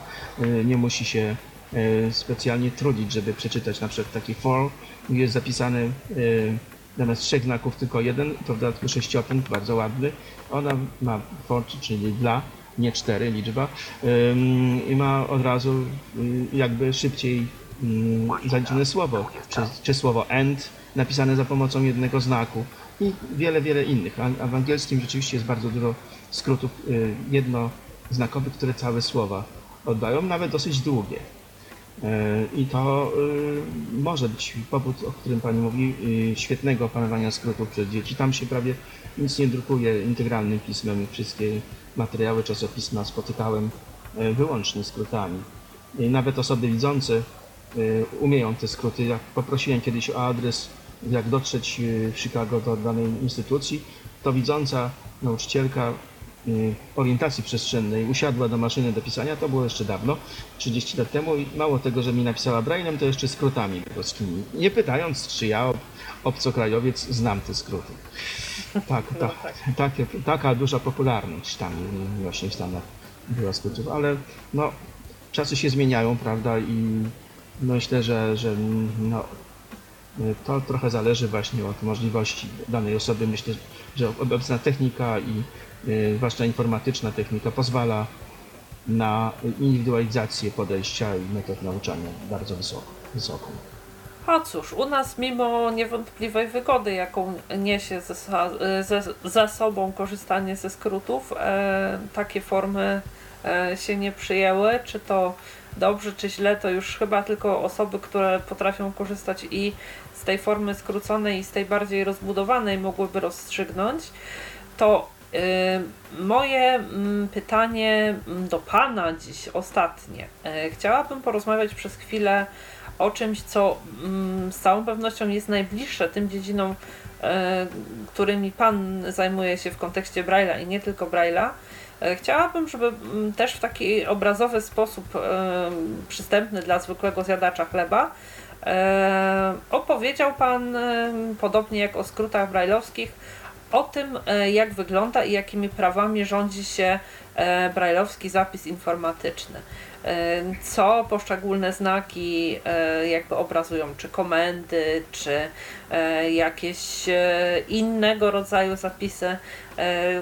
Tutaj myślę, że nie tylko ja, ale też wiele osób zaciekawionych, hmm, może nie tyle akurat zapisami brajlowskimi, co też samą informatyką, pewnie ym, będzie zaciekawionych sposobami, e, w jaki e, w Braille'u wszelkiego rodzaju zapisy e, informatyczne są e, prowadzone. No, no ile mogę się wypowiedzieć, ja już y, no, jestem, że tak powiem, y, starej daty programistą, już na co dzień nie programuję, jeszcze spo- sporo piszę rzeczy w HTML-u, prowadząc witryny towarzystwa, muzycznego. Y, To jest taki język skryptowy, który niewidomemu, osobie niewidomej pozwala y, przygotować stronę y, i na- nanosić różne zmiany. Natomiast wcześniej programowałem w, Pascalu, w Fortranie, to są jeszcze niskiego poziomu języków tak zwanym planie, to on, on jest takim basiciem powiedzmy podobny do, do współczesnego basica. No, język, języki programowania nie, ma, nie dysponują taki, takim bogatym repertuarem jak e, e, języki mówione, czy języki pisane, powiedzmy e, używane w poszczególnych krajach. Oparte są jednak na alfabecie języka angielskiego, łacińskim alfabecie, gdzie używane jest y, te 26 dużych i małych liter i mniej więcej podobna ilość znaków dodatkowych, znaczy oczywiście cyfry, no są również znaki kreska pozioma, slash, backslash, y, zwany ukośnikiem, no tylda, prawda, w niektórych językach jest y, ważna. Y, Znak większości, znak mniejszości oczywiście jest bardzo istotny. Y, No, to wszystko można zapisać y, za pomocą y, pisma Braille'a. Ta notacja się różni od y, notacji matematycznej y, głównie tym, że symbole są zdecydowanie jednokratkowe. To znaczy, znak, o ile znak większości w piśmie matematycznym to są dwa znaki, to jest pierwszy, trzeci, piąty i, i, drugi, prawda? Mm, Skierowany tym y, otwartym pyszczkiem, moglibyśmy y, powiedzieć, do y, symbolu o większej wartości, to tutaj zapisujemy znak większości za pomocą punktu czwarty, piąty w obecnie przyjętej notacji informatycznej. A znak, a znak mniejszości to z kolei za pomocą punktu piąty, szósty. Oczywiście w wielu językach ma znaczenie również y, procent, y, który zapisujemy za pomocą sześciopunktu. Y, To, a w, Braille'u normalnym procent zapisuje się za pomocą trzech, kratek, trzech znaków. Znaku liczbowego, potem górnego zera i dolnego zera. Y, Więc to, y, to, jest podstawowa różnica, że właśnie notacja informatyczna jest y, y, znak do znaku. A to z tego powodu, żeby była dokładność stuprocentowa, że tak powiem, do pisma czarnodrukowego, tego co na ekranie, y, żeby niewidomy miał do, możliwość zapisania dokładnie tego samego, y, co powinno być na ekranie, że- żeby miał odpowiedniość Braille'u i na wydruku braille'owskim. Y, To jest, to jest podstawowa różnica. Myślę, że No. tutaj też to, o czym Pan mówił, że jeśli musi się zgadzać e, liczba kolumn, wymagania Właśnie, co do tak, kolumn. właśnie, to jest istotne. Nie tylko ilość, ale rozmieszczenie musi się zgadzać, bo są właśnie takie języki, y, które wy- wymagają tego. Nies- Niestety właśnie no, COBOL, w którym się u nas w Polsce nie programuje, ale również są inne języki, gdzie, gdzie nie tylko właśnie wartość, nie dane słowo powiedzmy, bo język programowania to są właściwie mieszanina słów takich z języka potocznego. Bardzo często występuje jak be- begin na przykład to jest rozpocznij, end, skończ na przykład. E, na przykład go to, bardzo prawie w każdym języku programowania coś takiego jest, to znaczy skocz, przejdź, prawda? I y, to są te jakby dosyć po- popularne słowa if, jeśli, o to jest to chyba najczęstsze słowo w programowaniu, to jest to if, jeśli, bo mm, bo dany warunek zostanie logicznie spełniony, to potem należy druga część instrukcji mówi, co, co należy zrobić. Em, Więc to, y, to jest jakby pierwsza sprawa, a drugie to są symbole, właśnie symbole no, w zasadzie matematyczne, można by powiedzieć, literowe, y, które dotyczą y, wielkości pewnych i każą, że tak powiem, komputerowi działać w różny sposób, w zależności od wartości odczytanych. I to y, co do normalnych słów to nie ma problemu, zapisuje się bez znaków dużych liter, bo jeśli to są małe, duże czy małe litery, no to spokojnie można zapisać to mm, y, w Braille'u małymi literami. Jeśli to są duże litery, no to na monitorze braille'owskim trzeba y, pisać. Jest tutaj dodatkowa sprawa, dodaje się punkt siódmy. Znaczy to robi oczywiście mm, sam, sama, sama linijka braille'owska, bo taką ma możliwość. Właśnie ten braille został rozszerzony niby do, do 8 punktów, e, zwłaszcza informatyczny, e, poprzez dodanie punktu 7 nad, nad, pod punktem trzecim, punktu 8 pod punktem y, szóstym, ale y, praktycznie się tego ósmego punktu nie używa z powodu kursora, bo trzeba zarezerwować ten ósmy punkt dla, dla kursora, no i zwykle się używa właśnie ten zapis siedmiopunktowy i nie wszystkie kombinacje oczywiście, bo niektóre są bardzo trudno czytelne. Trudno jest odróżnić dotykiem y, na przykład y, punkt y, szósty, czwarty od punktu siódmego, czwa- siódmy, czwarty od takiego zapisu. No są, to są duże odległości. Więc stosuje się tylko cząstkę, y, tylko niektóre symbole z tego repertuaru poszerzonego Braille'a. To jest jakby druga cecha, która, która wyróżnia Braille'a y, komputerowego od Braille'a drukowanego, y, znaczy stosowanego w matematyce. Mm, To, I chyba bym powiedział, że najważniejsza. No, przypominam o elastyczności tego, możliwości zapisu dzięki komputerowi, monitorowi braille'owskiemu. Ten braille można modyfikować wielokrotnie. Nie jest on taki pojemny, bo grunt, w gruncie rzeczy to jest zapis cyfrowy, który się mieści na dysku czy jakimś, na jakimś nośniku, a braille jest tylko reprezentacją y, tego zapisu. Nie jest y, zapisem w sensie fizycznym taki, jaki był, jaki mieliśmy właśnie na, papierze drukowanym w książkach. To chyba tyle bym miał do powiedzenia o, o, o, o samym, samym y, y, braille'u Zapisie komputerowym. Ja sobie nie wyobrażam nawet pisania właśnie HTML-u teraz czy wcześniej, gdybym nie miał y, monitora braille'owskiego, nie wyobrażam sobie y, programowania y, komputerów, bo to, to jest zbyt skomplikowane i y, każdy znaczek, dosłownie każda kropka, każdy przecinek ma istotne znaczenie. Można cały program, y, że tak powiem, y, no, y, sknocić. Y, Mhm. Tak, jeśli się pominie na przykład, jeśli y, daną krop, danej kropki się nie napisze albo niepotrzebnie znak spacji się wstawi. A Tu to jeszcze wszystko, taka y, wiadomość od Raymonda, e, który napisał, że cyfr nie zapiszemy bez ósmego punktu. A to, to, to jest u nas przyjęta pewnego rodzaju wieloznaczność. Mianowicie w notacji, która się nazywa Pldwin, jest dodany punkt sz- szósty. Do liter brajlowskich jest pewna e, o- e, zbieżność litery on z jedynką, ły, z dwójką i tak dalej, ale w tekstach informatycznych nie ma prawa być żadnej litery on, eu, ci, dlatego że ona dys, dysponuje repertuarem znaków angielskich tylko. Więc tam nie ma miejsca w ogóle w programowaniu na, no chyba, że jakiś komentarz, drukujemy specjalne znaki. No ale to inteligentny użytkownik się y, zorientuje. Ale rzeczywiście y, tak w zasadzie jest, jest jak, jak Raymond mówi, że trudno, że w sposób jednoznaczny jest niemożliwe, żeby zapisywać e, cyfry bez punktu ósmego. Y, Można jeszcze wymyśleć inną tablicę, żeby obniżone cyfry pisać za pomocą punktu e, drugi, piąty i, i w dół powiedzmy tam tu te, te cyfry, prawda, że no ale to jest trudno czytelne. To każda cyfra musiała być, e, mieć e, sąsiada, że tak powiem, żeby osoba czytająca palcami mogła odróżnić. To Odnieść. jest, jest, jest to rzeczywiście problem. Mm, Ja stosuję notację Pelwina, ale to też powiem, że można e, w tych e, programach, e, które czytają, można- formują właśnie zapis na linijce brajlowskiej, można e, również indywidualizować notację. Jeśli ktoś woli inną notację niż Pelwin, na przykład, e, bo są takie, może sobie wybrać właśnie cyfry z punktem ósmym. Tutaj nie, nie ma problemu. Jasne. Ślicznie panu dziękuję za mm, Ja również bardzo odpowiedzi dziękuję na wszystkie pytania.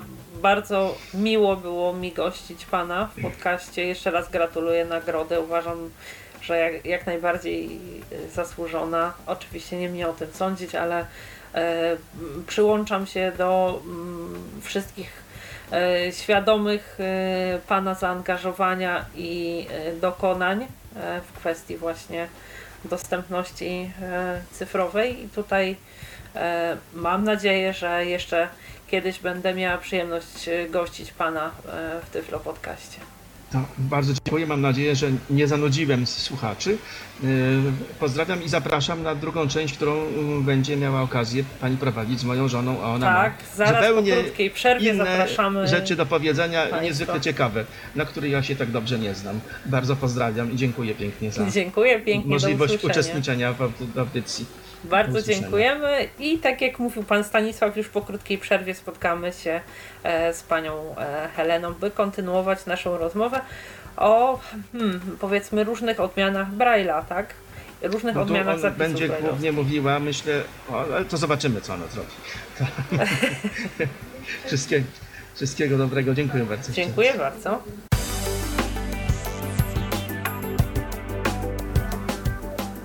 Po krótkiej przerwie witam w kolejnej części e, podcastu dotyczącego wielorakich zapisów brajlowskich i e, nauki Braille'a e, jako takiego. W drugiej części mam przyjemność gości, gościć panią Helenę Jakubowską. Witam serdecznie. Dobry wieczór Państwu. Witam.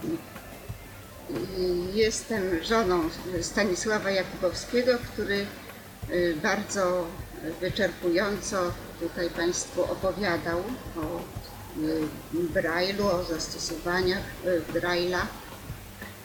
Y, Ale ja też spróbuję może tak praktycznie y, kilka rzeczy powiedzieć.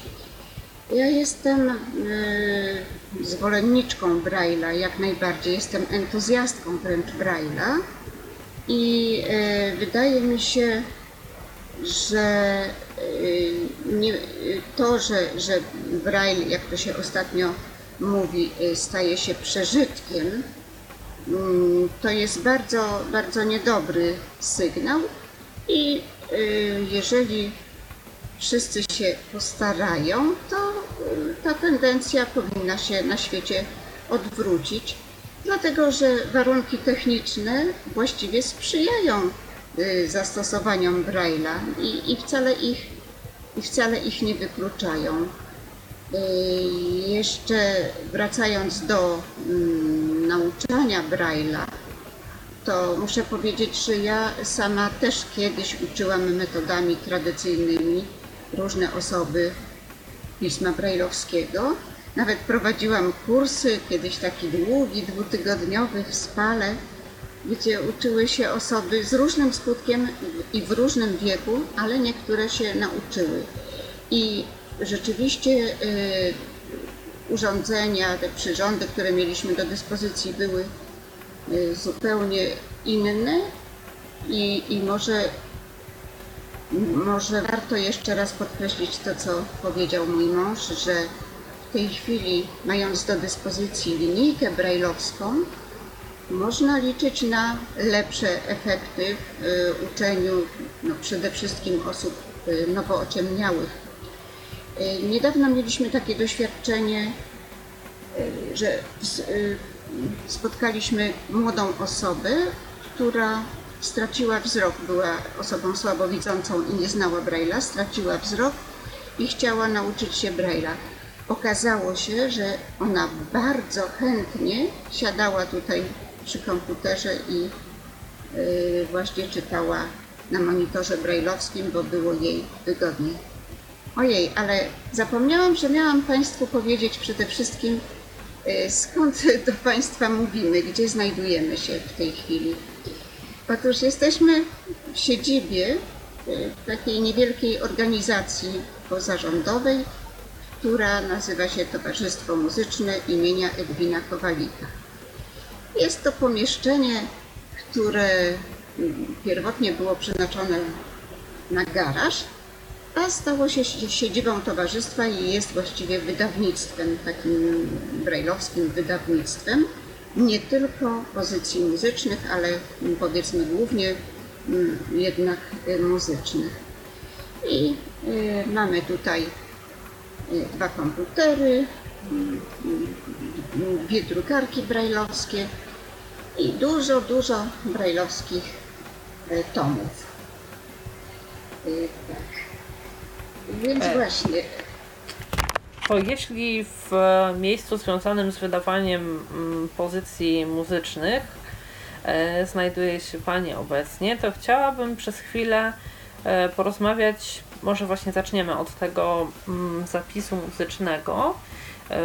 Chciałabym zapytać, e, jak, bo rozmawialiśmy o tym zapisie informatycznym, teraz chciałabym zapytać, e, jakie tutaj zasady rządzą e, zapisem muzycznym.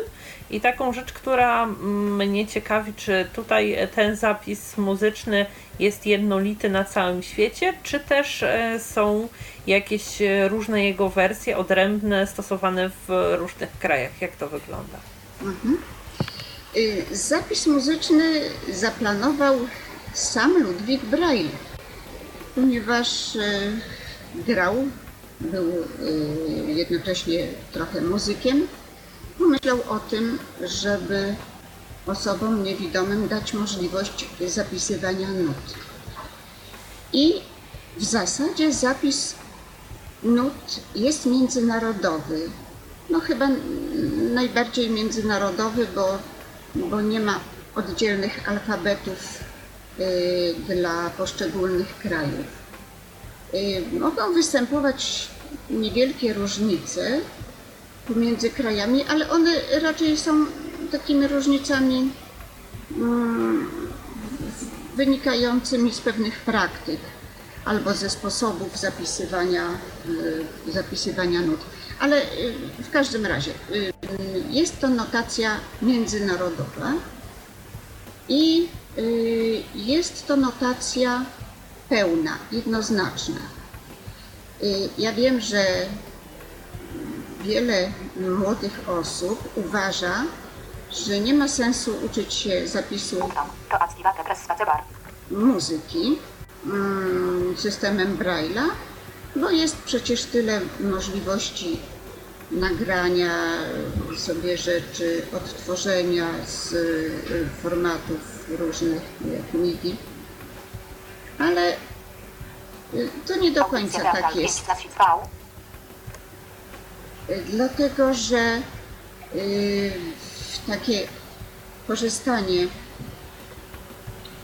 y, z muzyki tylko w postaci nagrania, albo nawet nawet opisu nut, bo, bo również przy uczeniu dzieci y, stosuje się taką metodę, że y, nauczyciel nagrywa i oraz y, daje taki opis werbalny różnych elementów, to jednak ten zapis, taka, taka prezentacja nut nie jest jednak pełna. No, można by podać wiele przykładów dlaczego. W, oprócz y, nut w utworze y, jest wiele innych elementów. No, na przykład są to łuki, akcenty, znaki y, dynamiczne, y, przeróżne drobne oznaczenia, które jeżeli ktoś chce wykonywać utwór, chce się go nauczyć, są jednak bardzo ważne. I taki dokładny zapis y, daje tylko, tylko notacja brajlowska. Y, Nie twierdzę, że jest to bardzo łatwe. Przede wszystkim dlatego, że mm, w odróżnieniu od zapisu na pięciolinii jest to zapis y, liniowy i żeby przeczytać jakiś fragment, trzeba właściwie przeczytać przynajmniej pobieżnie wszystkie znaki, znak po znaku. Nie można spojrzeć, tak jak to robią ludzie widzący, po prostu spojrzeć na pięciolinię i tak mniej więcej powiedzieć, co to jest. Aha, to jest gama, a to jest y, kilka jakichś akordów. Nie. Trzeba, y, to możemy powiedzieć dopiero jak przeczytamy jedną czy dwie linijki nut. Ale wszystko tam jest zakodowane. Wszystko, ten zapis znak po znaku, wszystko jednak zawiera, każdy element. I dlatego, jeżeli ktoś chce y, studiować muzykę, jeżeli, czy, czy jeżeli chce być samodzielny, bo niekoniecznie studiować, jeżeli chce być samodzielny, to dobrze, żeby nauczył się mm, notacji brajlowskiej. Nie jest to niemożliwe. Wydaje mi się, że kiedyś y, więcej osób niewidomych zajmujących się muzyką y, znało notację, brajlowską notację muzyczną. Przy czym oni wkładali bardzo dużo pracy w to, żeby sobie zapisać y, samodzielnie utwory. Y, Do nas trafiały utwory przepisane przez różnych ludzi. Oni na przykład, wiemy to stąd, że taki utwór, taki rękopis, były rękopisy przecież, y, był podpisany i było napisane kiedy y, ten utwór został przez kogoś przepisany. No i oczywiście y, to wymagało od tych ludzi dużo pracy, dużo samozaparcia, ale, ale znali notację brajlowską. A w tej chwili jest tak, że mm, niektórzy odrzucają męczącą czynność nauczenia się nut brajlowskich, ale nie wszyscy. Y, Towarzystwo muzyczne ma kontakt z wieloma osobami jednak, które muzykują lub uczą się muzyki i niektóre młode osoby w ogóle nie wyobrażają sobie swoich studiów muzycznych bez Godzina 20.30. bez, bez y, zapisu brajlowskiego. I te osoby zgłaszają się do nas, zamawiają sobie nuty, bo przecież niewiele tylko utworów można znaleźć w bibliotekach. I W ogóle wydawanie takich pozycji muzycznych jest też o tyle trudne i o tyle skomplikowany jest y, sam proces zdobywania na to środków, że właściwie niekiedy y, będzie on służył tylko kilku osobom, a może nawet czasem jednej. No bo wyobraźmy sobie, że ktoś chce akurat mnie albo musi na egzamin zdobyć koncert, no powiedzmy, y, mamy ostatnio taką, taki przypadek, y, koncert Haydna, koncert fortepianowy i być może w przeciągu najbliższych lat nikt inny nie będzie chciał tego albo nie będzie musiał tego zagrać. Mimo to y, jest to bardzo potrzebne, bo, bo zapewnia takim osobom samodzielność. Jasne. I właśnie w tym, w tym samym czasie, kiedy y, komputeryzowała się drukarnia brajlowska w Polsce, y, no y, właściwie narodził się pomysł, że można by również zapisywać za pomocą komputera nuty oraz je potem drukować, czyli że że będzie można je kopiować w dowolnej liczbie egzemplarzy na żądanie, prawda? No bo Oczywiście. y, dawne pozycje po prostu są w kilku egzemplarzach albo w pojedynczym egzemplarzu, czasem w jakiejś bibliotece. Po jakimś czasie y, się właściwie zużywają, są wyczytane i już się do niczego nie nadają. Zwłaszcza nuty, które, gdzie, gdzie każdy znak jest bardzo ważny. Y, I właśnie to były nasze pierwsze kroki, przy czym to były kroki takie mm, właściwie podyktowane chwilą, mm, po, potrzebą chwili, ponieważ y,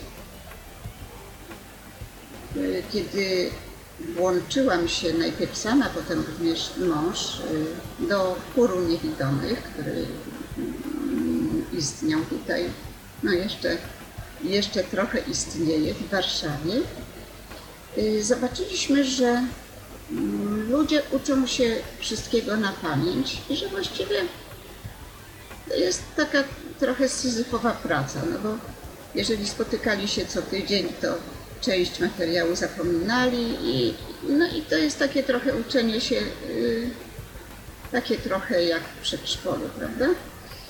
Mm, I wtedy postanowiliśmy, y, znaczy najpierw y, zapisywałam te nuty y, dawnym sposobem, czyli ręcznie. Ale kiedy pojawiła się ta możliwość właściwie pod DOSem jeszcze, to zaczęłam je pisać na komputerze i pierwsze nuty drukowane, pierwsze nuty w Polsce drukowane z komputera, to zostały wydrukowane właśnie przez nas. I doszło do tego, że osoby śpiewające mm, tak bardzo polubiły ten system, no bo muzyka wokalna to jest właściwie jedyna taka dziedzina muzyczna, y, która nie wymaga w ogóle użycia rąk, prawda? Ża- Żadna ręka nie jest potrzebna do śpiewania. I dlatego można czytać nuty, jednocześnie śpiewając. To zostało absolutnie przez wszystkich, no przez wszystkich tych, którzy umieli nuty albo się ich nauczyli, zostało przez nich kupione, jak się to mówi. I ten zespół, który jeszcze pozostał y, z dawnego chóru, posługuje się wyłącznie y, nutami. Ludzie przestali chcieć inaczej się uczyć. Nawet, nawet z nagrania. Po prostu wolą do dziś mieć zapis, dokładny zapis nut, mają również zapisany tekst, ale to, co kto w danym momencie woli sobie czytać, czy tekst, czy muzykę, no to należy, to jest wybór y, danego y, człowieka śpiewającego, to jest wybór śpiewaka, prawda? Jasne. To mm, myślę, że w kwestii tego stricte zapisu nutowego kwestie jakoś tam z grubsza mm, mamy omówione, natomiast chciałabym Panią zapytać o takie e, kwestie bardziej e, współczesne. Czy są jakieś e, programy mm, pozwalające na ułatwienie tego e, zapisu e, nutowego?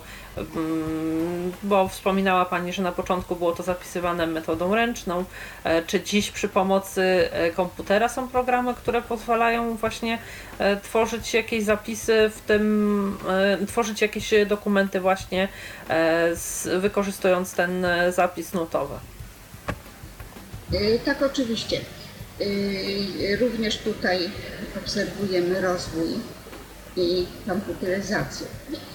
I to są takie dwie możliwości, bo y, przy pomocy komputera można zapisywać nuty no, w takiej formie tekstowej, tak jak tekst, prawda? bo piszemy znak po znaku i oczywiście nuty mieszczą się w ramach, każdy znak mieści się w ramach sześciopunktu, więc jest to możliwe, tylko że wtedy piszemy sobie znaki i dopiero e, kiedy je czytamy, e, możemy je zagrać e, i, i usłyszeć, prawda?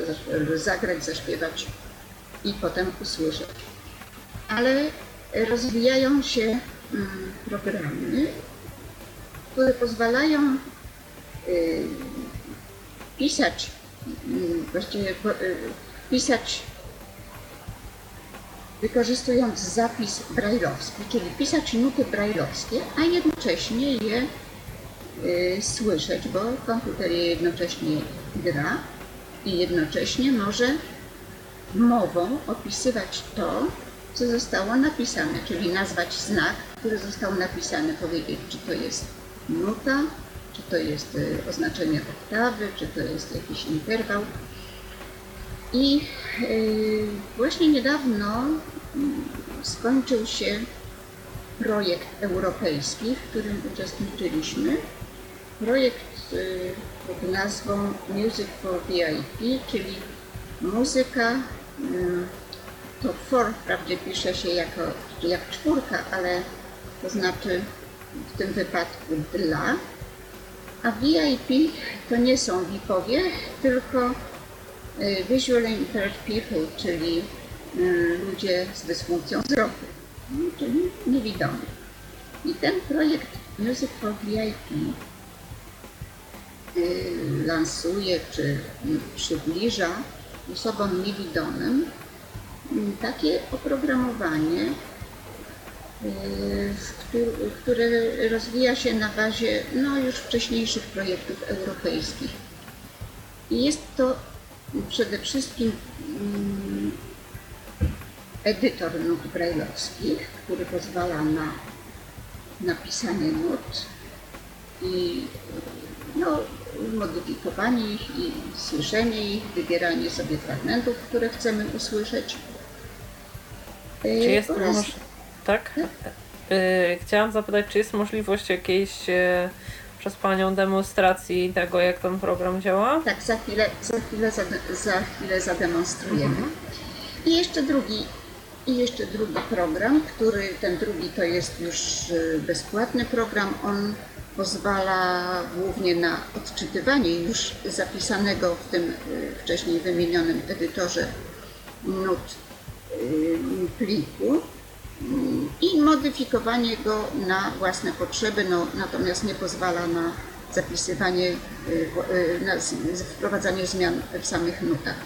No i dlatego on jest bezpłatny, że nie na wszystko pozwala.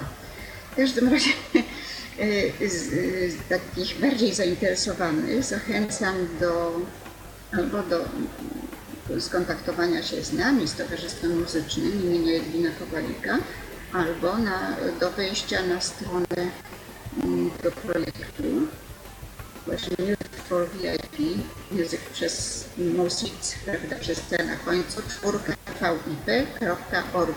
Tak, taka jest y, strona internetowa. Y, tak, ja zaraz spróbuję mm, Państwu zademonstrować tenże program.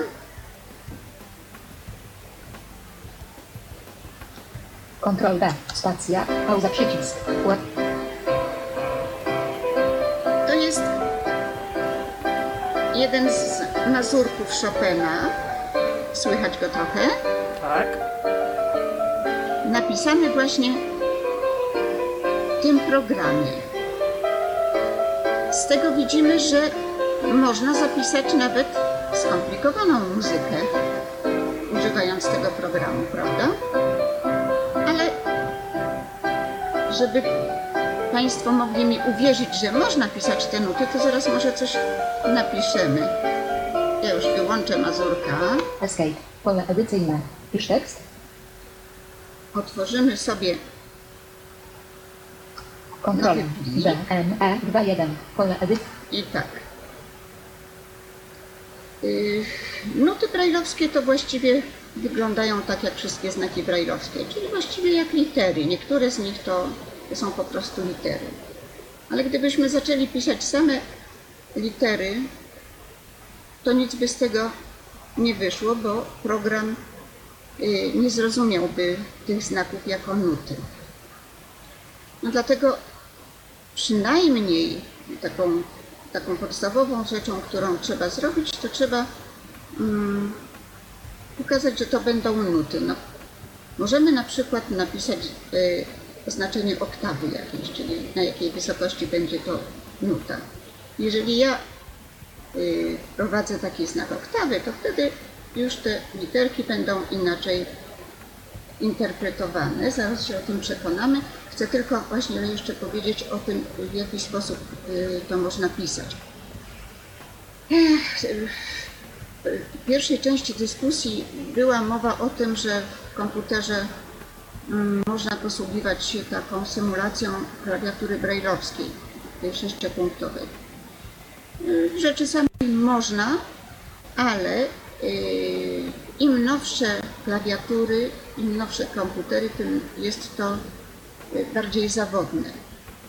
Głównie dlatego, że naciskanie kilku klawiszy naraz powoduje czasem zupełnie y, niepożądane efekty i mm, no i po prostu y, klawiatura przestaje działać, tylko y, na przykład włącza się jakiś skrót w Windowsach i coś tam się zaczyna dziać, czego nie chcemy. To tylko tak mówię z, z doświadczenia, bo i, i z doświadczeń właśnie w kilku krajach. To był, to był jeden z, z problemów poruszanych y, w, w trakcie y, trwania tego projektu. Bo wiadomo, że łatwiej jest y, może osobom niektórym pisać właśnie za pomocą tylko tych sześciu klawiszy. Ja natomiast zawsze nuty również piszę z klawiatury normalnej komputerowej, czyli po prostu wiem, gdzie na klawiaturze mam poszczególne znaki, bo, no bo nie tylko litery będą mi potrzebne, ale, ale wszelkie znaki, różne. I y, jeżeli opanuje się dobrze tę klawiaturę i, i, i- wie się, y, co, co należy y, wpisać, to jest to jednak kilkakrotnie szybszy y, sposób. Y, Więc y, ten edytor daje możliwość pisania albo właśnie tą klawiaturą brailleowską, sześciopunktową, albo również brailleowską, ale taką jakby arpeggiowaną, czyli po kolei wszystkie punkty, ale potem po mm, danym znaku trzeba y, y, wcisnąć spację, żeby było wiadomo, że jest następny znak, więc to jeszcze dłużej będzie trwało. Albo z normalnej klawiatury komputerowej i wtedy mm, posługujemy się tablicą translacji. No i tu oczywiście trzeba trochę y, to przystosować do, do tablicy w danym kraju. No to, je, to jest trochę. y, y, To jest Ale taka... myślę, że aż w takie szczegóły tutaj e, Nie będziemy nie wchodzić. będziemy wchodzić. Tak. Tak, tak, tak. Ja tylko myślę, że to jest jednak y, bardzo niedobrze, że, że wiele rzeczy, które mogłyby być pomiędzy krajami odnośnie Braille'a zunifikowanych, to niestety nie jest i, i, i te praktyki nawet w tych dziedzinach takich jak humanistyczne albo, albo takich dziedzinach jak y, matematyka nawet, no niestety są różnice. I to, to, to oczywiście utrudnia współpracę i wymianę materiałów, prawda? Tak. No dobrze, ale y, co my możemy napisać? No możemy spróbować napisać gamę albo blaskotek, co sobie Państwo życzą, albo nie wiem, bije Kuba. No, myślę, że gama będzie ok. Gama będzie ok. No to spróbujemy. 5. 1, 4, 5, 6. Ja y, mam 1, 5, 6. 1, 2, 4, 6. 1, 2, 4, 5, 6. 1, 2, 5, 2, 4, 6. Y, Państwo pewnie Dla cztery, pięć, słyszą, sześć. że ja w tej chwili mam Jeden, cztery, ustawiony pięć, sześć. taki poziom gadania, że on mi mówi, jakie punkty y, są pisane. Natomiast można było tak zrobić, żeby, żeby y, komputer nam mówił, co to zostało napisane, że to była C ćwierćnuta i tak dalej. Ale posłuchamy, czy się udało napisać gamę. Ctrl B, stacja. O, Brak stacja, Udało się. pole edycyjne. No właśnie, ale zapewniam, że można napisać wszystko. Można napisać również muzykę churalną, nawet podpisując y, słowa i potem y, napisany utwór można wyeksportować do takiego formatu Music XML. To jest bardzo popularny w tej chwili format. I ten format już jest odczytywany, jest czytywany przez różne, przez wiele zwykłych edytorów muzycznych, takich jak Sibelius, takich, którymi posługują się y, muzycy widzący. I, i, I wtedy załóżmy, że y, niewidomy człowiek komponuje coś i chce pokazać to światu, to nie musi tego już nikomu dyktować, tylko y, eksportuje właśnie do formatu Music XML i osoba widząca w y, przez siebie używanym edytorze otwiera ten plik i widzi na pięciolinii zapisany utwór. I może jest- sobie zagrać. Może go sobie za, zagrać. Również student, który mm, y, musi na przykład przygotować jakąś pracę i dać ją do kontroli, może tak samo zrobić. Warunek jest taki, że musi mieć oprogramowanie y, ten komputer i naprawdę koniecznie, prawie koniecznie linijkę brajlowską. I oczywiście y, mm, dogłębną znajomość tego brajlowskiego zapisu, bo bez Za, tego... tak, również y, zapisu. I ja y, niekiedy w czasie demonstracji, jeżeli mm, nie mogę z sobą zabrać wielu urządzeń, no to pokazuję bez Braille'a y, te programy. I, ale i wtedy, wtedy słyszymy tylko mowę, ale y, jeżeli cokolwiek robię, a, a dużo piszę w tej y, w tym programie nut, to y, właśnie posługuję się linijką brajlowską jak najbardziej, bo właśnie na niej mam zapisane nuty tak, jak kiedyś miałam zapisane ręcznie, prawda? Albo na maszynie brajlowskiej, albo na tabliczce, albo albo przynajmniej wydrukowane y, wcześniej zapisane w trybie tekstowym. No i Oczywiście. tak, taka, takie to w tej chwili mamy możliwości, mm, coraz większe jednak. Y, Ważne, żeby, żeby jednak młodzież chciała się uczyć y, tej notacji. Ja dzisiaj już na ten temat y, rozmawiałam y, z kimś zupełnie y, niespodziewanie i niezależnie od, od dzisiejszej y, audycji. Mianowicie przyszła do mnie studentka, która ma pisać pracę licencjacką na temat trudności niewidomych w posługiwaniu się notacją muzyczną. Ja jej między innymi opowiadałam o tym oprogramowaniu oraz w ogóle o notacji. I ona powiedziała mi, że y, ona jest dosyć zdziwiona, bo ona już rozmawiała z osobami młodymi, które zupełnie inny pogląd wyrażały, to znaczy raczej uważały, że ta notacja brajlowska no to, to jest naprawdę trudna i chyba niekoniecznie potrzebna w dzisiejszych czasach niewidomemu muzykowi.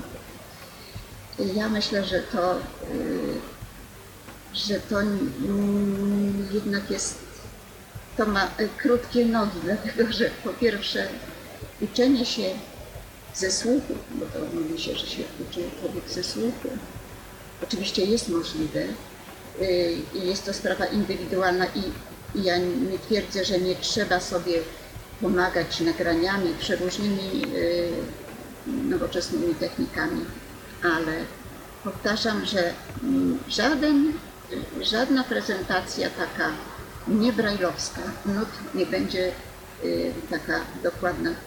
No, chociażby żadne y, nagranie nie pokaże czegoś takiego, y, co się czasem zdarza, że pianista ma skrzyżowane ręce i, i, gra prawą ręką w basie na chwilę, a, a lewą w wiolinie. Bo, bo skądże niby miałby się tego dowiedzieć, prawda? Zupełnie nie do, nie do wykrycia z nagrania sprawa. No tak. I I to chyba o, o muzyce tyle. Y, Tak, ja My, tutaj na naszej stronie jest y, spis y, wszelkich podręczników i mm, utworów, których adaptacji na system Braille'a dokonaliśmy. to jeśli mogę poprosić o adres tej strony. O, adres strony jest dosyć długi www.idn.org.pl slash Towmus. Towmus to jest od Towarzystwo Muzyczne, czyli Teresa, Olga, Władysław, Maria, Urszula, Zygmunt. A, to nie taki z, znowu długi. To ja tutaj y, mm, chcę w, jakby w ostatniej części mm, naszego spotkania zapytać Panią o coś, co, mm, z czym wiele osób e, niewidomych ma problem, to znaczy e, o kwestię pomocy mm, brajlowskich przy uczeniu się e, języków, różnego rodzaju wydawnictw lingwistycznych, bo wiem, że tym również Państwo, a w szczególności Pani się zajmuje i em, tutaj jakby problem jest tego typu, że po pierwsze osoby niewidome bardzo chętnie uczą się języków. Po drugie, e, uczą się mm, z dużą łatwością, mm, no że tak to nazwę kolokwialnie, z pamięci, ze słuchu, czy też e, nie, nie mają problemów większych z e, nabywaniem właściwego akcentowania w językach. Natomiast e, duży problem stanowi i mm, pisownia. E, tutaj e, jakby Oczywiście można też e, korzystać z tych wydawnictw elektronicznych, natomiast e, jakby tych e, takich stricte dostępnych e, przy, dla nas przy użyciu e, programów powiększających jest e, no, stosunkowo niewiele i jakby właśnie tutaj ta nauka e, pisowni w konkretnych e, językach przez to też jest e, dla nas e, utrudniona. E, Chciałabym zapytać Panią mm, tutaj o mm, Państwa dokonania, że tak to nazwę, na tym polu. Jakiego rodzaju mm, publikacje powstają pod Państwa nadzorem? Jakie Państwo przygotowaliście wydawnictwa? Chodzi mi konkretnie o wydawnictwa do nauki jakich języków? I ostatnie pytanie, e, gdzie ewentualnie takie wydawnictwa można nabyć? No tak, y, wydawnictw tak dużo nie możemy Państwu zaproponować, ale z, y, od początku. Myślę, że jeżeli chcemy się poważnie uczyć języka obcego, to znowu, to zupełnie tak jak z muzyką. To uczenie się bez dotknięcia y, zapisanego tekstu jest y, właściwie niepełne takie, takie mało skuteczne. Ja wiem, że możemy się nauczyć rozmawiać i że są osoby, które mają do tego, mają taką dużą łatwość, mają duże zdolności i dobrze. I y, to jest takie zastosowanie turystyczne języka, czy jakieś takie konwersacyjne, prawda? Natomiast y, język y, może stanowić zawód, może być, y, mo- może dać osobie niewidomej pracę.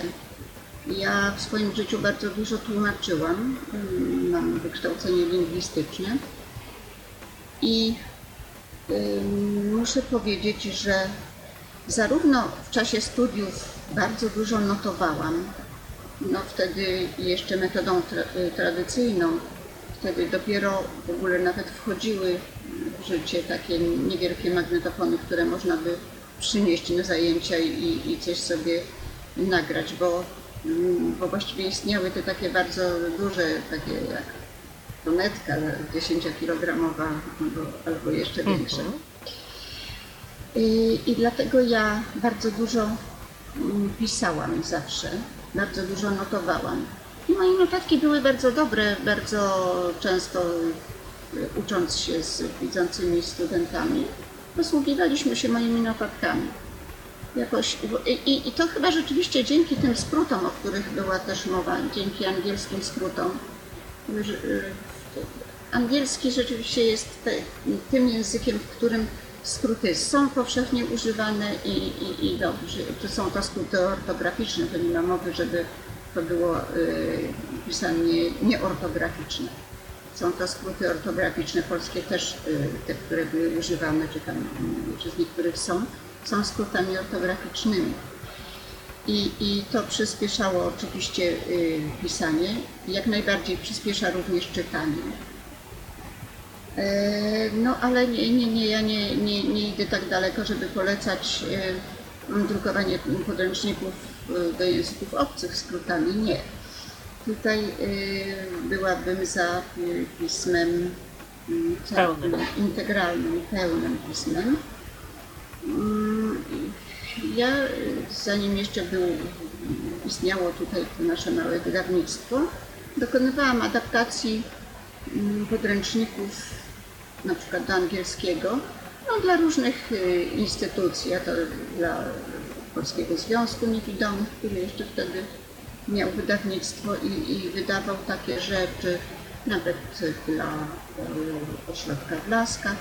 Różne takie y, rzeczy robiłam. A dlaczego ja mówię o adaptacji? No dlatego, że mm, podręcznik y, oprócz tekstu zawiera i to coraz, teraz coraz więcej elementów graficznych. Mm, No, nie tylko obrazków, obrazki zwykle trzeba było opisywać.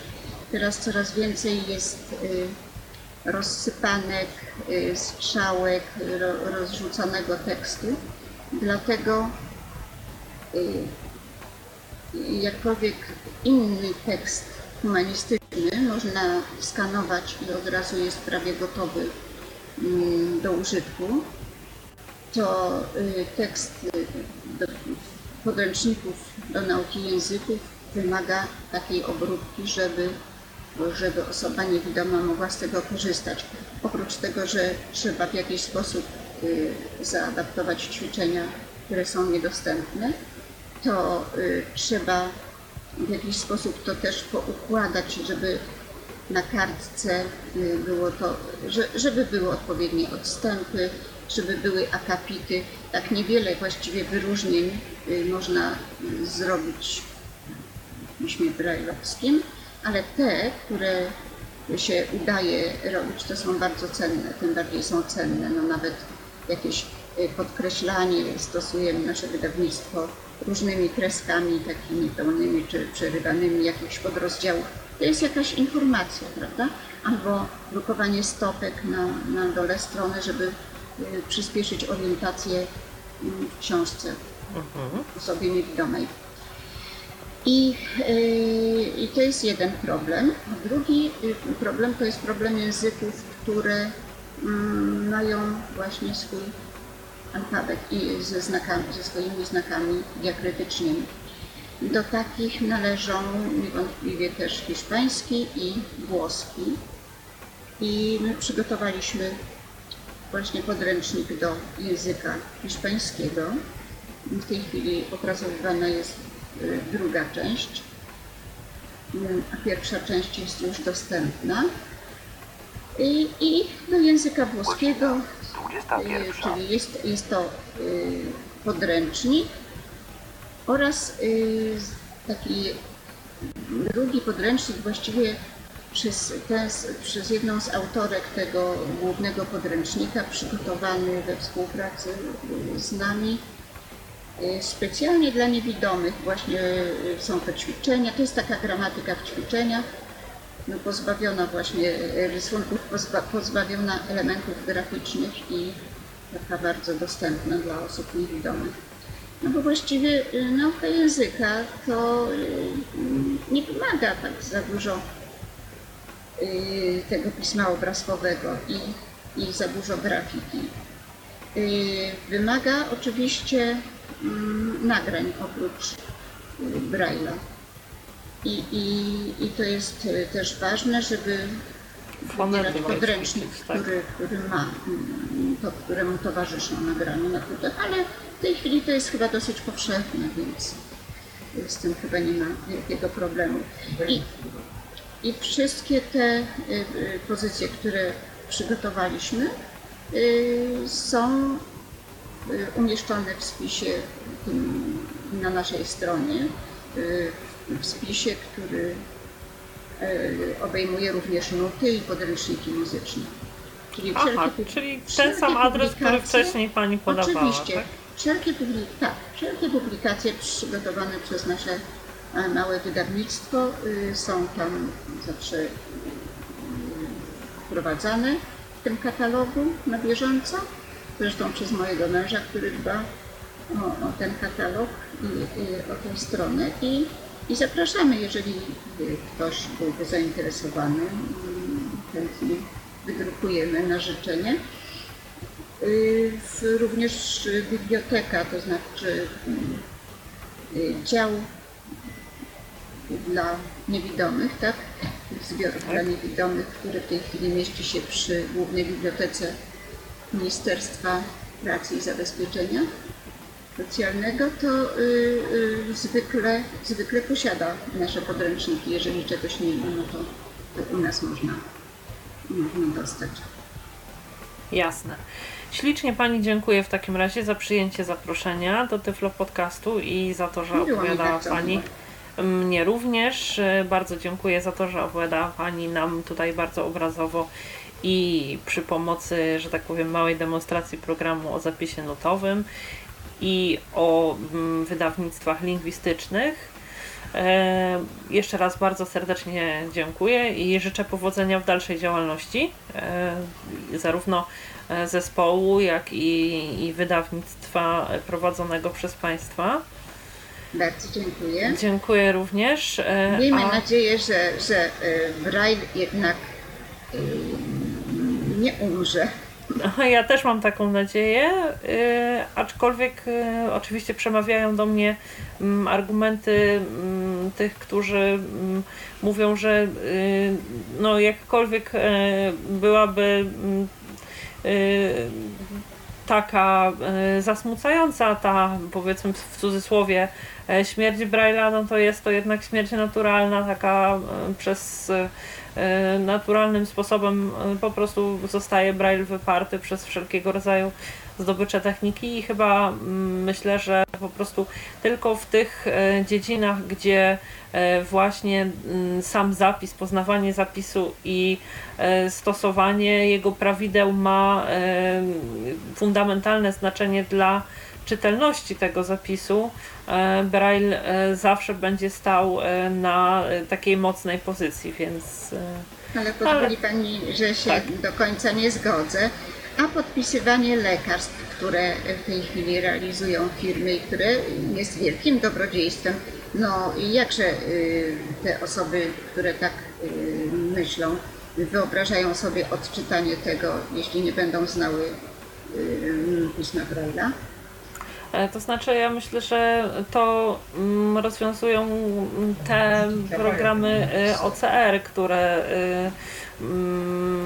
robi, mm, ludzie po prostu robią sobie zdjęcia No jakichś jak tam trwa konkretnych i nie zawsze rzeczy. się udaje. Tak, tak. Ja tutaj nie chcę e, dyskutować e, jakby o, większy, o wyższości świąt Bożego Narodzenia nad świętami Wielkiej Nocy.